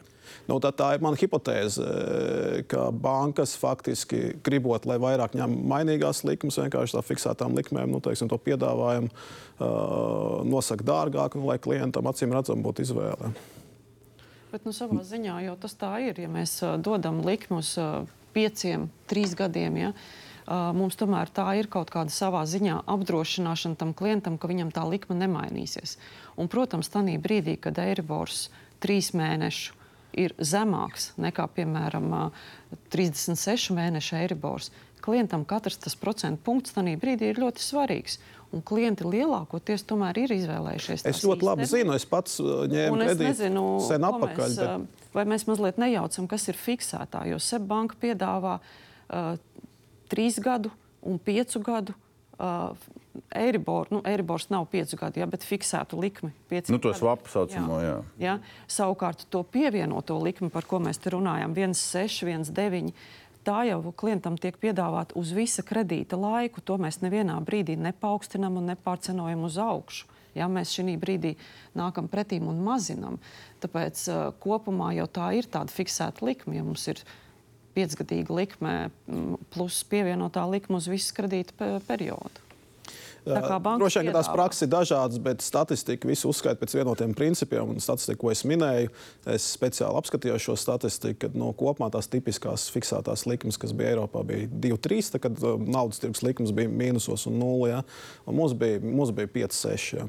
Nu, tā svārstība amplitūda, protams, ir lielāka, bet, bet tās tipiskās. Un, un, un Lunčija privātpersonu kreditēšanas vadītājs tam mirklī kratīja galvu un kaut kam nepiekrīt. Jā, nu, uh, jautājums, kā mēs nonācām līdz šim risinājumam. Un, uh, Neapšaubām tas, ko, tas, ko minēja par principu, kā veidojās cenošana. Tas, tas tā, tā arī ir. Un, ja mēs paskatītos šajā situācijā, tad uh, šī likme ir ārkārtīgi konkurētspējīga. Jo mēs paskatāmies, tad, ja Eiribors šobrīd ir 4, atņemam likmi īstenībā ir 1,4 uz 3 gadiem. Bet mēs te visi sakām, ka Eiribors strauji nokritīs. Ņems un, un, tajā. un šeit faktiski, ko banka dara, mēs ierēķinām to risku, kā, kā mēs varam redzēt, uz, uz ko mēs varam gaidīt šajā garākajā periodā. Bet mazliet te jāskatās ne tikai par pašu piedāvājumu, bet arī par uh, to, kāds ir pieprasījums. Un mums šis pakalpojums bija pieejams Lietuvas klientiem jau ilgu laiku. Un tur tas, tas modelis, kā mēs cenojām, kad Eiribors bija nulle, bija ārkārtīgi vienkāršs. Mēs vienojāmies ar klientu par likmi, kas būtu šī pamatlikme no bankas puses. Nu, piemēram, šeit uz ekrāna stāv 1,69. Mēs vienojāmies par 1,69, un tad nāca fiksēta piemaksa pie šīs likmes 0,4% punktu apmērā. Ja? Tātad tas būtu tur attiecīgi nedaudz virs diviem. Ja? Nu, maza replika - 1,69 patinam uz leju. Ja? Un jau Bladarks jau šitien jau 1,9%. Jā, es jums stāstu to nu, lietu, kā... pie, piemēru. Uh, un, un tādā gadījumā, kad tā, tas sadārzinājums bija tikai 0,4, lai nofiksētu uz trīs gadiem, tikai 3 līdz 5% klienti teica, jā, es to vēlos. Ja? Jo tā expectācija bija, ka tas Eiribors paliks tādā līmenī, kur tas ir. Un tie klienti, kas vasarā pirms Eiribora celšanas to saprata un uzklausīja bankas ieteikumu, šobrīd uh, ir ļoti labā situācijā. Arī 5,4 dabūja? Vai mazāk? Tajā laikā tā likme bija divi, divi pusi, ko mēs piedāvājam klientiem. Es varētu vienīgi papildināt. Man liekas, man liekas visa šī diskusija 5,4, 2,5. Viņi ir mazliet, nu, teorētiski, praktiski tas ir finanšu instruments, kuru var brīvi kotēt. Viņu var Bloombergā redzēt katru labu minūti. Ļoti likvids instruments, kurā principā paņem uz kaut kādu nominālo summu, 100 tūkstoši, un var atrast uh, sadarbības partneri finanšu tirgo, kas maina fiksēto likmi uz mainīgo, mainīgos fiksēto 5,4, 2,3. Iet Bloombergā un pastieties, kas ir šī brīža finanšu tirgus kotācija. Un ļoti viegli, caurspīdīgi saprast. Cits jautājums ir, vai mēs gribam mūsu klientiem likt domāt par to, kādas būs procentu likmes nākotnē. Un, un te ir arī vēl viens mīts par likt. Viņam it kā neko nevarat. Nu, bet tev ir jāsalīdzina mainīgā likme pret fiksēto. Tev ir jāpie, jāizdara zinošs, vēlams, finansiāli zinošs uh, spriedums par to, kas būs labāk. Tas ir tieši tas, kas notiek Vācijā. Tur varbūt ir ieroduma fonā tās fiksētās likmes, bet vēl viens mīts, kas varbūt ir jāizkliedē šeit un uzreiz. Fiksētās likmes ļoti reti, kad starptautiskajos tirgos ir uz 25, 30 gadiem. Viņas ir fiksētas uz 3, 5, 10. Desmit. Tad, jā. Vai kāds piedāvā desmit? Šobrīd nē. Bet, Par to ir runa. Bet, bet tad, bet, jā, Lūdzu? Bet, Jāni, bet mēs tāpat Vai varam nonākt pieci? šādā diskusijā, ka tad, kad vienā brīdī fiksētā likme pārmainās, ir milzīgs kāpums. Mainīgā likme izdara to soli pa solim. Šobrīd tie soļi ļoti ātri, tāpēc, ka ir ECB monetārā politika. Mums ir vēsturiski augstākā un ātrākā likuma kāpināšana ECB līmenī. Ja? Korekti vai ar piebildēm? Nē, nē nu, tādā ziņā, protams, ka procentu likmi risku var apdrošināt. Ja? Bet nu, šeit es arī saklausu to pašu stāstu, ka banka pati negribās procentu likmi risku uzņemties. Ja? Tad, tad arī nu, piesaistam teiksim, indeksam, kas ir tur garā gala procentu likmju teiksim, raksturotājs. Ja? Un, un, tad, un tad skatāmies, kā tur viss mainās. Ja? Nu, man liekas, šobrīd ir, nu, tas jautājums ir par procentu likuma pieauguma nastas sadalījumu sabiedrībā. Jā. Un, un mums šobrīd tā situācija ir, ka klients uzņemas faktiski lielāko, lielāko daļu. Jā. Turklāt šeit ir arī jautājums, ko iepriekšējo reizi Latvijas Bankas prezidents gribēja uzsvērt, ka no, nu, mums nav tikai kredīta likums, bet arī depozīta likums. Jā, un tā nauda, kas ir banku bilancēs, un tā jau lielā mērā ir banku klienta naudas. Jā, un, ja, un, ja naudas cena pieaug, tad viņai būtu jāpieaug abos galos. Jā. Šobrīd mēs redzam, ka termiņa depozītiem likums pēdējā laikā ir pacelts. Auga, auga, te pie četriem esam nonākuši beidzot. Likme, kas tiek maksāta par depozītiem, ir joprojām pieaugta. Jūs sakat, ka vajadzētu vairāk kā četras, Svetbankai tagad uh, uzlikt pieci vajadzētu uzlikt. Ko jūs sakat? Es paskatījos vēsturisko situāciju. Nu, bieži vien ir, situā, eh, ir bijusi teiksim, tā, tā tirgus situācija tāda, ka uh, termiņa depozīta likmes pārsniedz naudas tirgus likmes. Ja, labi, šobrīd mēs varam runāt par, cik to. pārsniedz vēsturiski augstākais pārsniegums. Es, es negribu tagad samaloties labi. ar precīzi skaitļiem, bet bija. Nu, man tas attēls ir, ir prātā. Ja, šobrīd labi, tirgi sagaida, ka tās procentu likmes var krist, ja tur ir teiksim, termiņa struktūras inversija. Ja, tas, protams, izskaidro, bet tad kāpēc tas, teiksim, tās, tās, tās, tās nu, kas ir overnight? Tā ir atpakaļ, kas nepiekrīt. Īsās likmes nav sasnieguši naudas likmes. Šajos brīžos, kad termiņa depozīta likmes pārsniedz naudas tirgus likmes, nozīmē, ka bankai ir finanšu problēmas, viņi skrien pakaļ naudai. Tā ir ļoti bīstama situācija. Latvijas bankā jūs varat dabūt par overnight tik, cik centrālā banka ir pielāgota. Bet Latvijas banka neņem ķīlā Latvijas hipotekāros kredītus. Realitāte. Mhm. Citas centrālās bankas to dara. Nu, es domāju, ka noguldījuma pusē bankas ir izdarījušas ļoti daudz. Paskatāmies, mums ir maksājumi par termiņu noguldījumiem, kas ir, kā Jānis teica, auguši līdz Eiropas centrālās bankas likmi celšanai. Mums ir krājkons, kuram mēs maksājam, sebā mēs maksājam 2,15. Tā ir faktiski 4% no, eiribora. Noguldījuma likme, kas ir tekošajai naudai. Krāj, krājkonta uh, likme ir pieejama šodien. Nu, jā, bet jums arī jā? Latvijas banka maksā par de depozītiem. Šāds risinājums mums ir gan juridiskajiem klientiem, gan privātpersonām.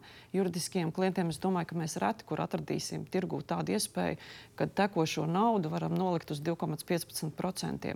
Un tas, ko mēs aicinām klientiem, tikko jums ir kaut nedaudz varbūt brīva līdzekļi, noliekam krājkontā, noliekam termiņa depozītā. Un es domāju, ka tā, tur bankas ir izdarījušas ļoti daudz. SEB banka tūlīt arī maksās par uh, uh, tekošiem kontiem, norēķinu kontiem. Bet 0,4. Protams, bet, bet, uh, bet manuprāt, tur vēl ir rūmi. Tur. Ir rezervīti. Bet, bet noprecizējam šito, ko Ābelskungs jums pārmet, ka citas centrālās bankas ņem ķīlā uh, hipotekāros un Latvijas banka to nedara. Jā, tur man droši vien um, būtu jāaicina kolēģis uh, tālāk, kas Burgals nav studijā. jāaicina kas kolēģi. šeit nav studijā. Es uh, nepateikšu tos iemeslus, bet, uh, bet uh, jā, atsevišķas uh, centrālās bankas Eiropā ņem uh, kredītus kā ķīlu, bet, bet uh, nu, manuprāt, uh, teiksim, tie tā saucamie haircuti, kā to latviešu sauc, es šobrīd nepateikšu, tur ir, tur ir diezgan, diskonti ir diezgan lieli, jā, un tas nav tas izdevīgākais biznesa. Nē, es, tam, es tam piekrītu. Es domāju, daļai arī objektīvi tas ir tirgus situācija. Jo, protams, jebkuram instrumentam jābūt vēlams ar reitingu. Latvijā mazā tirgu ir ļoti grūti uztaisīt portfeli, kuru var sektorizēt, ielikt sektajās obligācijās un dabūt reitingu. Tur ir daļai arī mazas valsts problēma. Un, ko mēs arī redzam arī faktiski situācijā ar konkurenci. Jā. Es te gribēju parādīt slaidu. Man liekas, viens, ko mēs te neesam runājuši, ir, ir kad laikam, nu, arī asociācijā, banka asociācijā runāt, mēs nepiekrītam komentāriem par mazu konkurences banku starpā. Mēs nesaprotam, no kurien viņi iet. Mēs saprotam, ka šeit ir. Cilvēki nesaprot, paskaidrojam. Bet, bet, bet kolēģi, uzmanību vienkārši burtiski divas minūtes. Lūdzu, lūdzu, lūdzu. Ir top 5 lielāko komercbanku pēc aktīviem koncentrācija mazās valstīs vienmēr ir lielāka nekā lielās valstīs. Ja?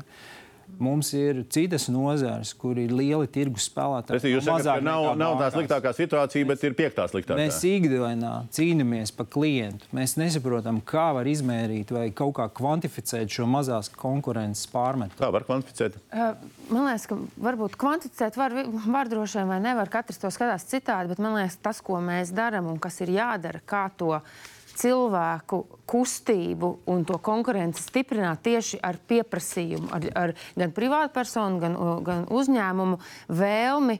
Nu, tā kā izaicināt arī pārējos tirgus dalībniekus. Jo to, ko mēs redzam, ka mūsu Lat Latvijas situācijā, kustība, nu, ja es teiksim, paņemu vienā bankā kredītu, tad principā 99, ne, 97% gadījumos es ar to kredītu nodzīvoju līdz tam kredītam. 97% tādi, kas nepāriet. Ja? Man liekas, tie procenti bija kaut kādi. Bija 19. gadā Eiropas komisijas Jā. pētījums, kur viņi tieši šo refinansēšanas, kredīta refinansēšanas procesu bija skatījuši un sarēķinājuši. Tur gan bija 14 Eiropas valsts tikai jā, izlasē ņemts. Tur bija sarēķinā- sarēķinājuši nu, cilvēks, kam būtu izdevīgi refinansēties, kam kredīta līgumos likums ir augstāks nekā esošā tirgus situācija. Nu, labi, Bet tas ir stāsts par konkurenci. Situācija ir ļoti šobrīd. Nu, mums konkurenta kustība, mobilitāte, klientu starp bankām praktiski nenotiek. Jā, Latvijā tikai 2% Un Tam ir vairāk iemeslu. Nu, ja saka, 98% sēž turpat, kur viņi ir. Ja? Un tam, tur ir vairāk iemesli. Uh, un viens no tiem iemesliem īstenībā ir ļoti sarežģīts birokrātisks process. Kā, ai, kā, kā, kā, tam, nu, kā nonākt tajā otrā Bet bankā, tā- mazāk tur sāp. bankas jau neizdomāja, to jau ir valsts izdomāja. Jā, jā, tur ir tieši tā. Tur ir, tur ir jādara uh, banku pusē. Tur var skatīties, varbūt tās, cik es cenoju, vai, vai es tur piemēroju vēl papildus maksas, bet arī valsts pusē - zemes grāmatas, notāri, reģistrācijas. Ja? Tas viss ir ļoti, ļoti sarežģīti. Un cilvēks vienkārši negrib, kā saka, ķēpāties. Bet, bet, bet, bet, še, bet šeit ir svarīgi, viet, ja mēs atgriežamies un es apzināti nelīdu iekšā tajā politisko risinājumu jautājumā, ja?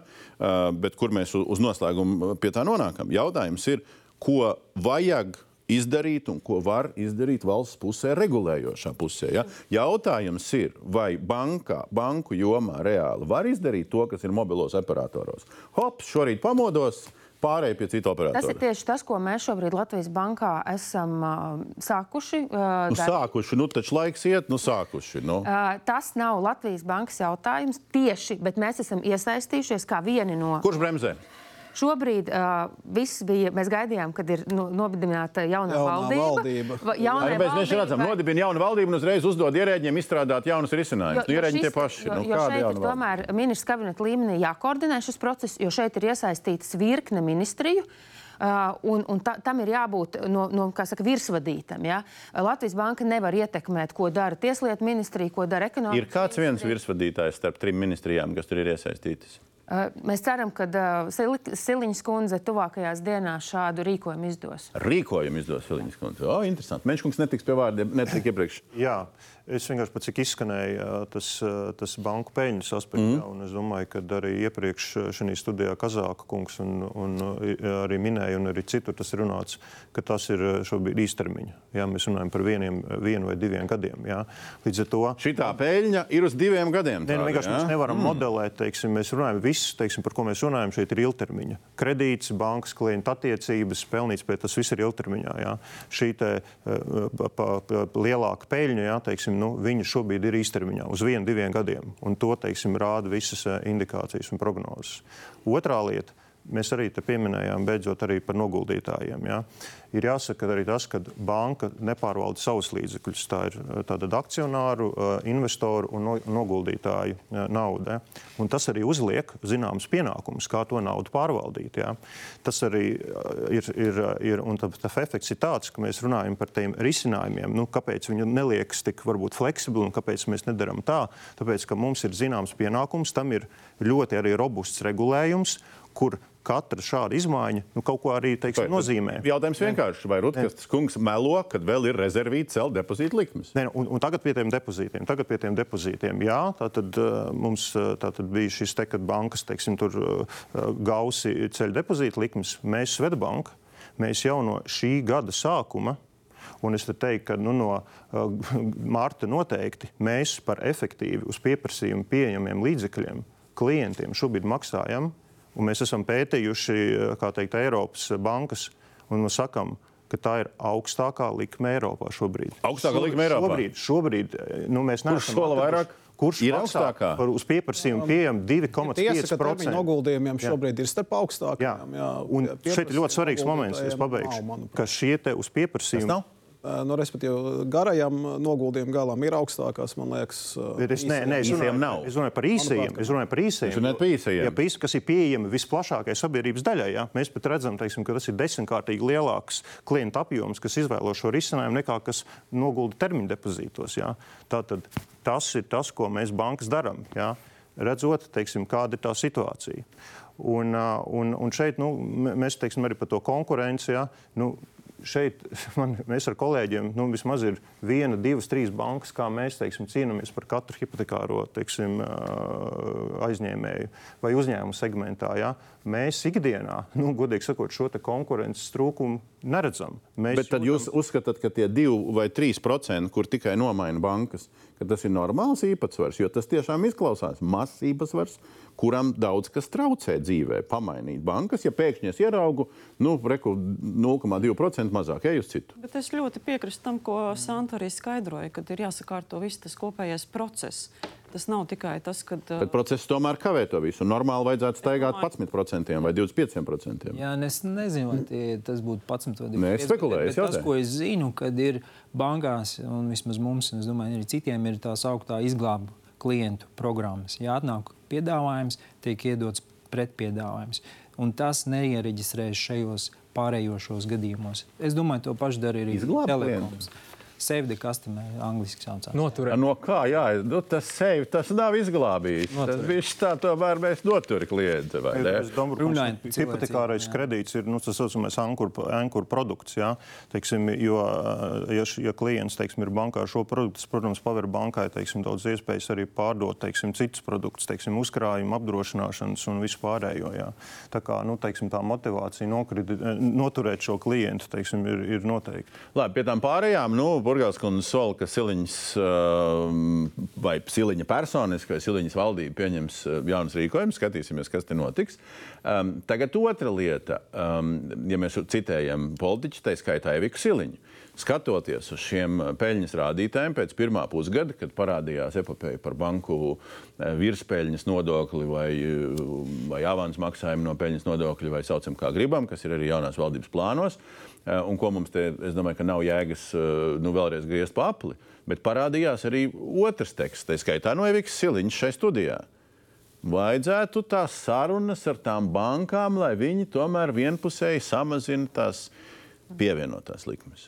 Mēs esam izgājuši apli un beiguši šo stāstu, vai mēs vēl aizvien turpinām uzturēt viņu?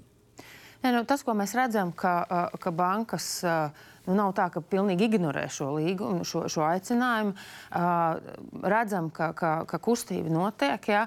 Uh, protams, uh, Pagaidiet no 127 tūkstošiem klientu, 1000 uh, iesniedz un 500, 400 pārskatu. Nu. Tieši tā, tāpēc arī es gribēju turpināt, ja, ka faktiski tas, ko mēs aicinājām, nevis šo reaktīvo rīcību, ja, bet vairāk proaktīvi, iet, iespējams, ir kaut kādas klientu kategorijas, kurām būtu īpašāki vēl un skaļāki paziņojumi vajadzīgi no bankām un tā tālāk. Bet atkal, ja, nu mēs kā centrālā banka noteikti neatbalstītu nu, tādus helikopteru naudu kaistīšanu, jo tas atkal tieši pretdarbotos tām, ko mēs darām ar inflācijas slāpēšanu. Kas šajā gadījumā būtu helikoptera nauda? Nu, visiem visu atlaist. Ja? Visu visiem, nē. visiem atbrīvot, visiem kaut ko iedot, visiem izsniegt kādus pabalstus. Tā noteikti nav pareizi. Šeit Bet... atbalstam ir jābūt ļoti, ļoti mērķētam. Bet šis ļoti interesanti. Tad, piemēram, ja mēs runājam par kredītņēmējiem, kuri nekavē, kuri nav zaudējuši darbu, kuri nav iestājušies tajās finanšu grūtībās, kuriem ir likvīda ķīla, tad arī viņiem visiem, jūsuprāt, no helikoptera vai es nezinu kādu lidaparātu, nevajadzētu samazināt pievienoto likmi zem divi. Tas, ko banka var darīt savas klientu uh, lojalitātes īpašas programmas ietvaros, noteikti bankas var samazināt likmes. Bet mēs, nes, ne, mēs uzskatām, ka tam nevajadzētu atkal no valdības puses vai vēl kā citādi nākt ar kaut kādu ļoti lielu atbalstu. Ja? Bankas var darīt, un, un, un mēs arī esam teikuši, jūs varat darīt, un īpaši, ja jūs to darat uz kaut kā tādu īstermiņa akciju veidā. Ja, ja piemēram, šobrīd, nezinu, uz gadu bankas realizē kaut kādu savu lojālo klientu programmu un izdala visiem nulles likmes. Mums arī kā uzraugam tas ir pilnīgi ok. Ja? Mums nebūtu ok, ja banka fiksētu ilgtermiņā visas likmes uz nulli. Tas tiešām tā nav.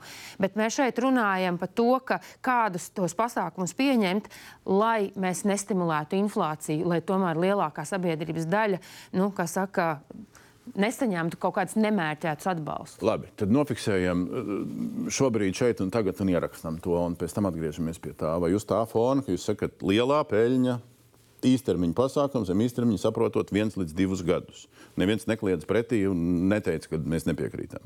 Vai bankas visas kopā līdzīgi vai katra pavisam atšķirīgi?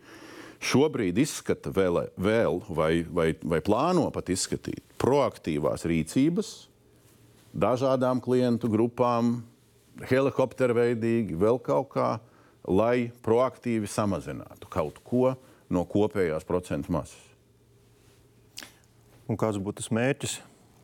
Jūs man jautājat, es jā, bankā nestrādāju. Jā.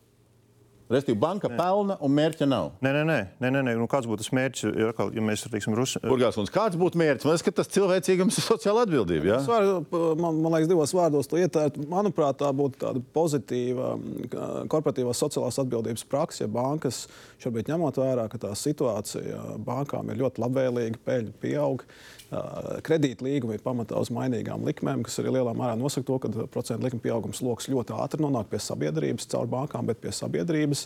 Nu, vienkārši piedāvāt, nu, kā veikalā piedāvā atlaidi, ja tur, tur kādām precēm, tāpat tas arī nu, piedāvāt atlaidi esošiem klientiem, ja tur nu, to gadu, piemēram, kredīta maksājumu. Ja, nu, mēs varam nosaukt vienalga vai pievienotajai likmei, vai, vai, vai tirgus likmei, kopējai likmei. Ja. Tas, man liekas, būtu tikai tāds ļoti pozitīvs piemērs. Bankas savu reputāciju, manuprāt, lieliski iespēja uzlabot reputāciju. Mm. Nu, tas, ko, ko es minēju, ko mēs jau darām, tātad, teiksim, jaunajiem kredītiem mums ir šīs 0%. Teiksim, uz diviem gadiem mums ir augstākās likmes Eiropas Savienībā atsevišķiem noguldījumu produktiem. Esošiem kredītiem? Esošiem kredītiem mēs piedāvājam individuāls risinājums, jā, un šeit ir eh, būtiski pateikt, atkārtošos, jā, kad cik mēs nepārvaldam savu, teiksim, bet noguldītāju naudu, ir tātad robusts rāmis, teiksim, kas, kas tiks regulē nu, te, šo, šo te portfeli. Ja? Un, mēs nevaram, teiksim, veidojot kaut kādas modifikācijas, nu, piemēram, nezinu, atlaižot visiem pa, pa 1%, ja? tas var rezultēties arī papildus kapitāla izmaksai bankai un uh, pēc uh, re, regulātora ieskata arī tātad, uh, atzīmēja kredītņēmēju kredītvēsturē. Ja? Tas ir visi aspekti, kas ir jāņem vērā. Mēs šajā diskusijā esam, ja? bet ir svarīgi teiksim, to, ka nu, jāsaprot, kas ir tie mainīgie. Jā. Tur, kur teiksim, mēs viennozīmīgi zinām, ka mēs varam rīkoties, lūk, teiksim, mūsu rīcība jauniem kredītiem uz diviem gadiem 0%. Jā esošos skatāmies individuāli. Ir situācijas, kur teiksim, tā restruktūrizācija nozīmē arī šo te, teiksim, pārstruktūrēšanu. Jā. Ir tādas situācijas, kur mēs samazinām klientu likmi, kur nav nekāda maksātspējas grūtība. To izdarām tīri komerciālu teiksim, aspektu ietvaros. Pieliekam vēl trīs atbildes klāt par šo. Nu, es teiktu tā, ka naudas cena ir cēlusies, un mūsu uzdevums būtu šo naudas cenas vērtību atdot klientiem, nu, pārdalīt klientiem. Tanī brīdī, kad naudas cena bija negatīva, mēs selektīvi to nedarījām. Mēs klientiem neprasījām maksāt par viņu noguldījumiem. Tagad, kad naudas cena ir cēlusies un ļoti būtiski un strauji, mēs, mūsu uzdevums būtu atdot to naudas cenu no rēķinu kontiem termiņu noguldījumiem, krājkontiem pēc iespējas straujāk atdot tiem klientiem. Tā, man liekas, būtu tā pareizā ekonomika. Un tur mēs runājam par visu uh, Latvijas sabiedrību. Ja mēs runājam par kredītņēmējiem, kā mēs te visi vienojāmies, tā nav liela, lielākā Latvijas sabiedrības daļa. Uh, nav būtiskākā. Liela, uztra, uz, ekonomiski aktīvi, ļoti liela daļa. Es piekrītu, bet es domāju, ka uh, ņemot vērā, ka šī situācija uh, eskalējusies, kā mēs arī teicām, un ir ļoti jūtīga tagad, ja tagad ir simti vai, vai tūkstošas, mēs redzējām, es domāju, ka tas pārskatīto kredītu uh, maksājuma apjoms augs un augs strauji, un to mēs darīsim. Bet individuāli. Mēs, individuāli, jo mēs arī ļoti nopietni vērtējam to, ka pārskatot masveidā, mēs neizpildīsim uzraugu prasības, un mums būs vajadzīgs pārskatīt un katru pārskatīto klientu atzīmēt, ka viņam ir pārstruktūrēts uh, kredīts. Mēs uh, to. Bet šajos gadījumos es saprotu, uzkrājumu nekāda vairs nav jāteic. Es, par cik tas izskan otro reizi, es tomēr iejaukšos. Tātad uh, visiem klientiem, kuriem nav maksātspēju grūtības, jebkādas bankas proaktīva rīcība, nākšana pretīm ar likmu samazinājumu vai ko citu, nav klasificēja kā kredīta pārklasifikācija par, par, par sliktāku kredītu vai nedrošu kredītu. Tur tur nav jāveido uzkrājumi. Es piekrītu, Sant. Un tieši tam es piekrītu, bet tāpēc mēs sakam, ka individuāli, jo mums ir jāizvērtē, vai ir tās grūtības vai nav. Ja mēs iedosim visiem kā grupai vai kā klientu segmentam, mums nebūs šī izvērtējuma. Jums būs šī tāda peļņa un vēl kādu laiku.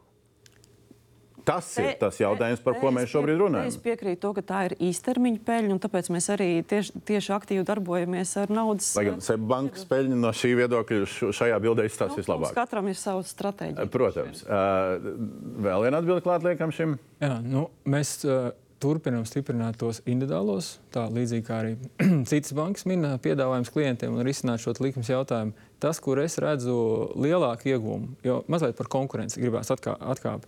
Jaunā biznesā, jeb jaunu darījumu piesaistē, tā tiešām konkurence ļoti saspringta un notiek katra klienta, tā teikt, kā, kā kolēģi minēja, cīņa. Ja mēs runājam par esošiem klientiem, tiem, kas jau ir hipotekārā kredīta, tad cipari ļoti skaidri parāda, kustības nav. Ja?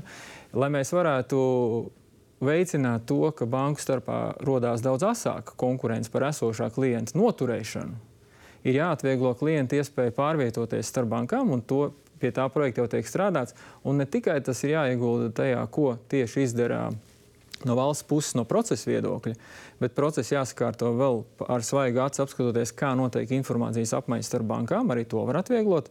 Un vēl tam visam pa virsmu arī komisijas maksas bankām ir jāierobežo attiecībā uz šiem refinansēšanas gadījumiem. Tanī brīdī mēs iedodam ļoti spēcīgu mobilitāti, Un mēs to varam salīdzināt Jūs ar uh, telefonu. Jūs pateicāt, ka regulātoram ir jāierobežo komisijas maksas. Ne regulātoram, bet pārsteigāt starp bankām. Jā. Jo un regulators to vēl nav izdarījis. Ne pašam regulātoram, bet to, to, regulējumam. Regulējumam, un tas ir visticamāk likums, kas to nosaka. Un, un tas jau, jā. To, tas ir jautājums, kad viņš būs un kāds viņš būs. Ceturtā atbilde. Es domāju, es neko jaunu nepateikšu. Atkal individuālajiem skatāmies arī citus produktus. Citadela piedāvā zaļo krājkontu, kas ir 3,5% ienesīgums, ļoti izdevīgi. Viss, ko mūsu publiskās sadarbības partneri piedāvā, mēs izskatām, pētām šobrīd arī, arī šo, kas ir uz galda, bet lēmumu nav. Es domāju, ka jānoslēdz šajā mirklī ar lielu cerību, ka jūs būsiet gatavi atkal nevis Brazovski deleģēt, atšaudīties, bet uh, nākt uh, paši. Bet noslēdzot, tad mēs šodien dzirdējām, ka Latvijas banka katru sūdzību izskata un katru izrunā ar bankām kā uzraugs. Jā. Tas turpināsies. Jā. Tas nozīmē, ka ja no tiem tūkstotis uh, un cik tur augustā tas skaitlis aug un aug, nekas nemainās. Latvijas banka katru gadījumu skatu un katru pārunā. Jā. Es gribētu publikai aicināt, ja jūs, ja jūs tā gribat darīt, tad, kad jūs rakstat Latvijas bankai, pielieciet um, adresātos cc uh, jānis.dombūrs atltv.lv. Un tad mēs varēsim apspriest savukārt nu, tie cilvēki, kas, kurus mēs te pieminējām, kuri zina, ka viņi tika pieminēti. Nu, ziņojiet, ja tie gadījumi tagad atkārtot, pārskatot vienā vai citā gadījumā, ja jums viņi risinās vai nerisinās. Lielas paldies, ka jūs visi atnācāt. Es domāju, ka publikai pavērtēt, kādi ir argumenti par meliem, patiesību, aprēķiniem un vēl kaut ko. Nāciet, lūdzu, vēl. Paldies publikai par uzmanību. Turpinājums sekos.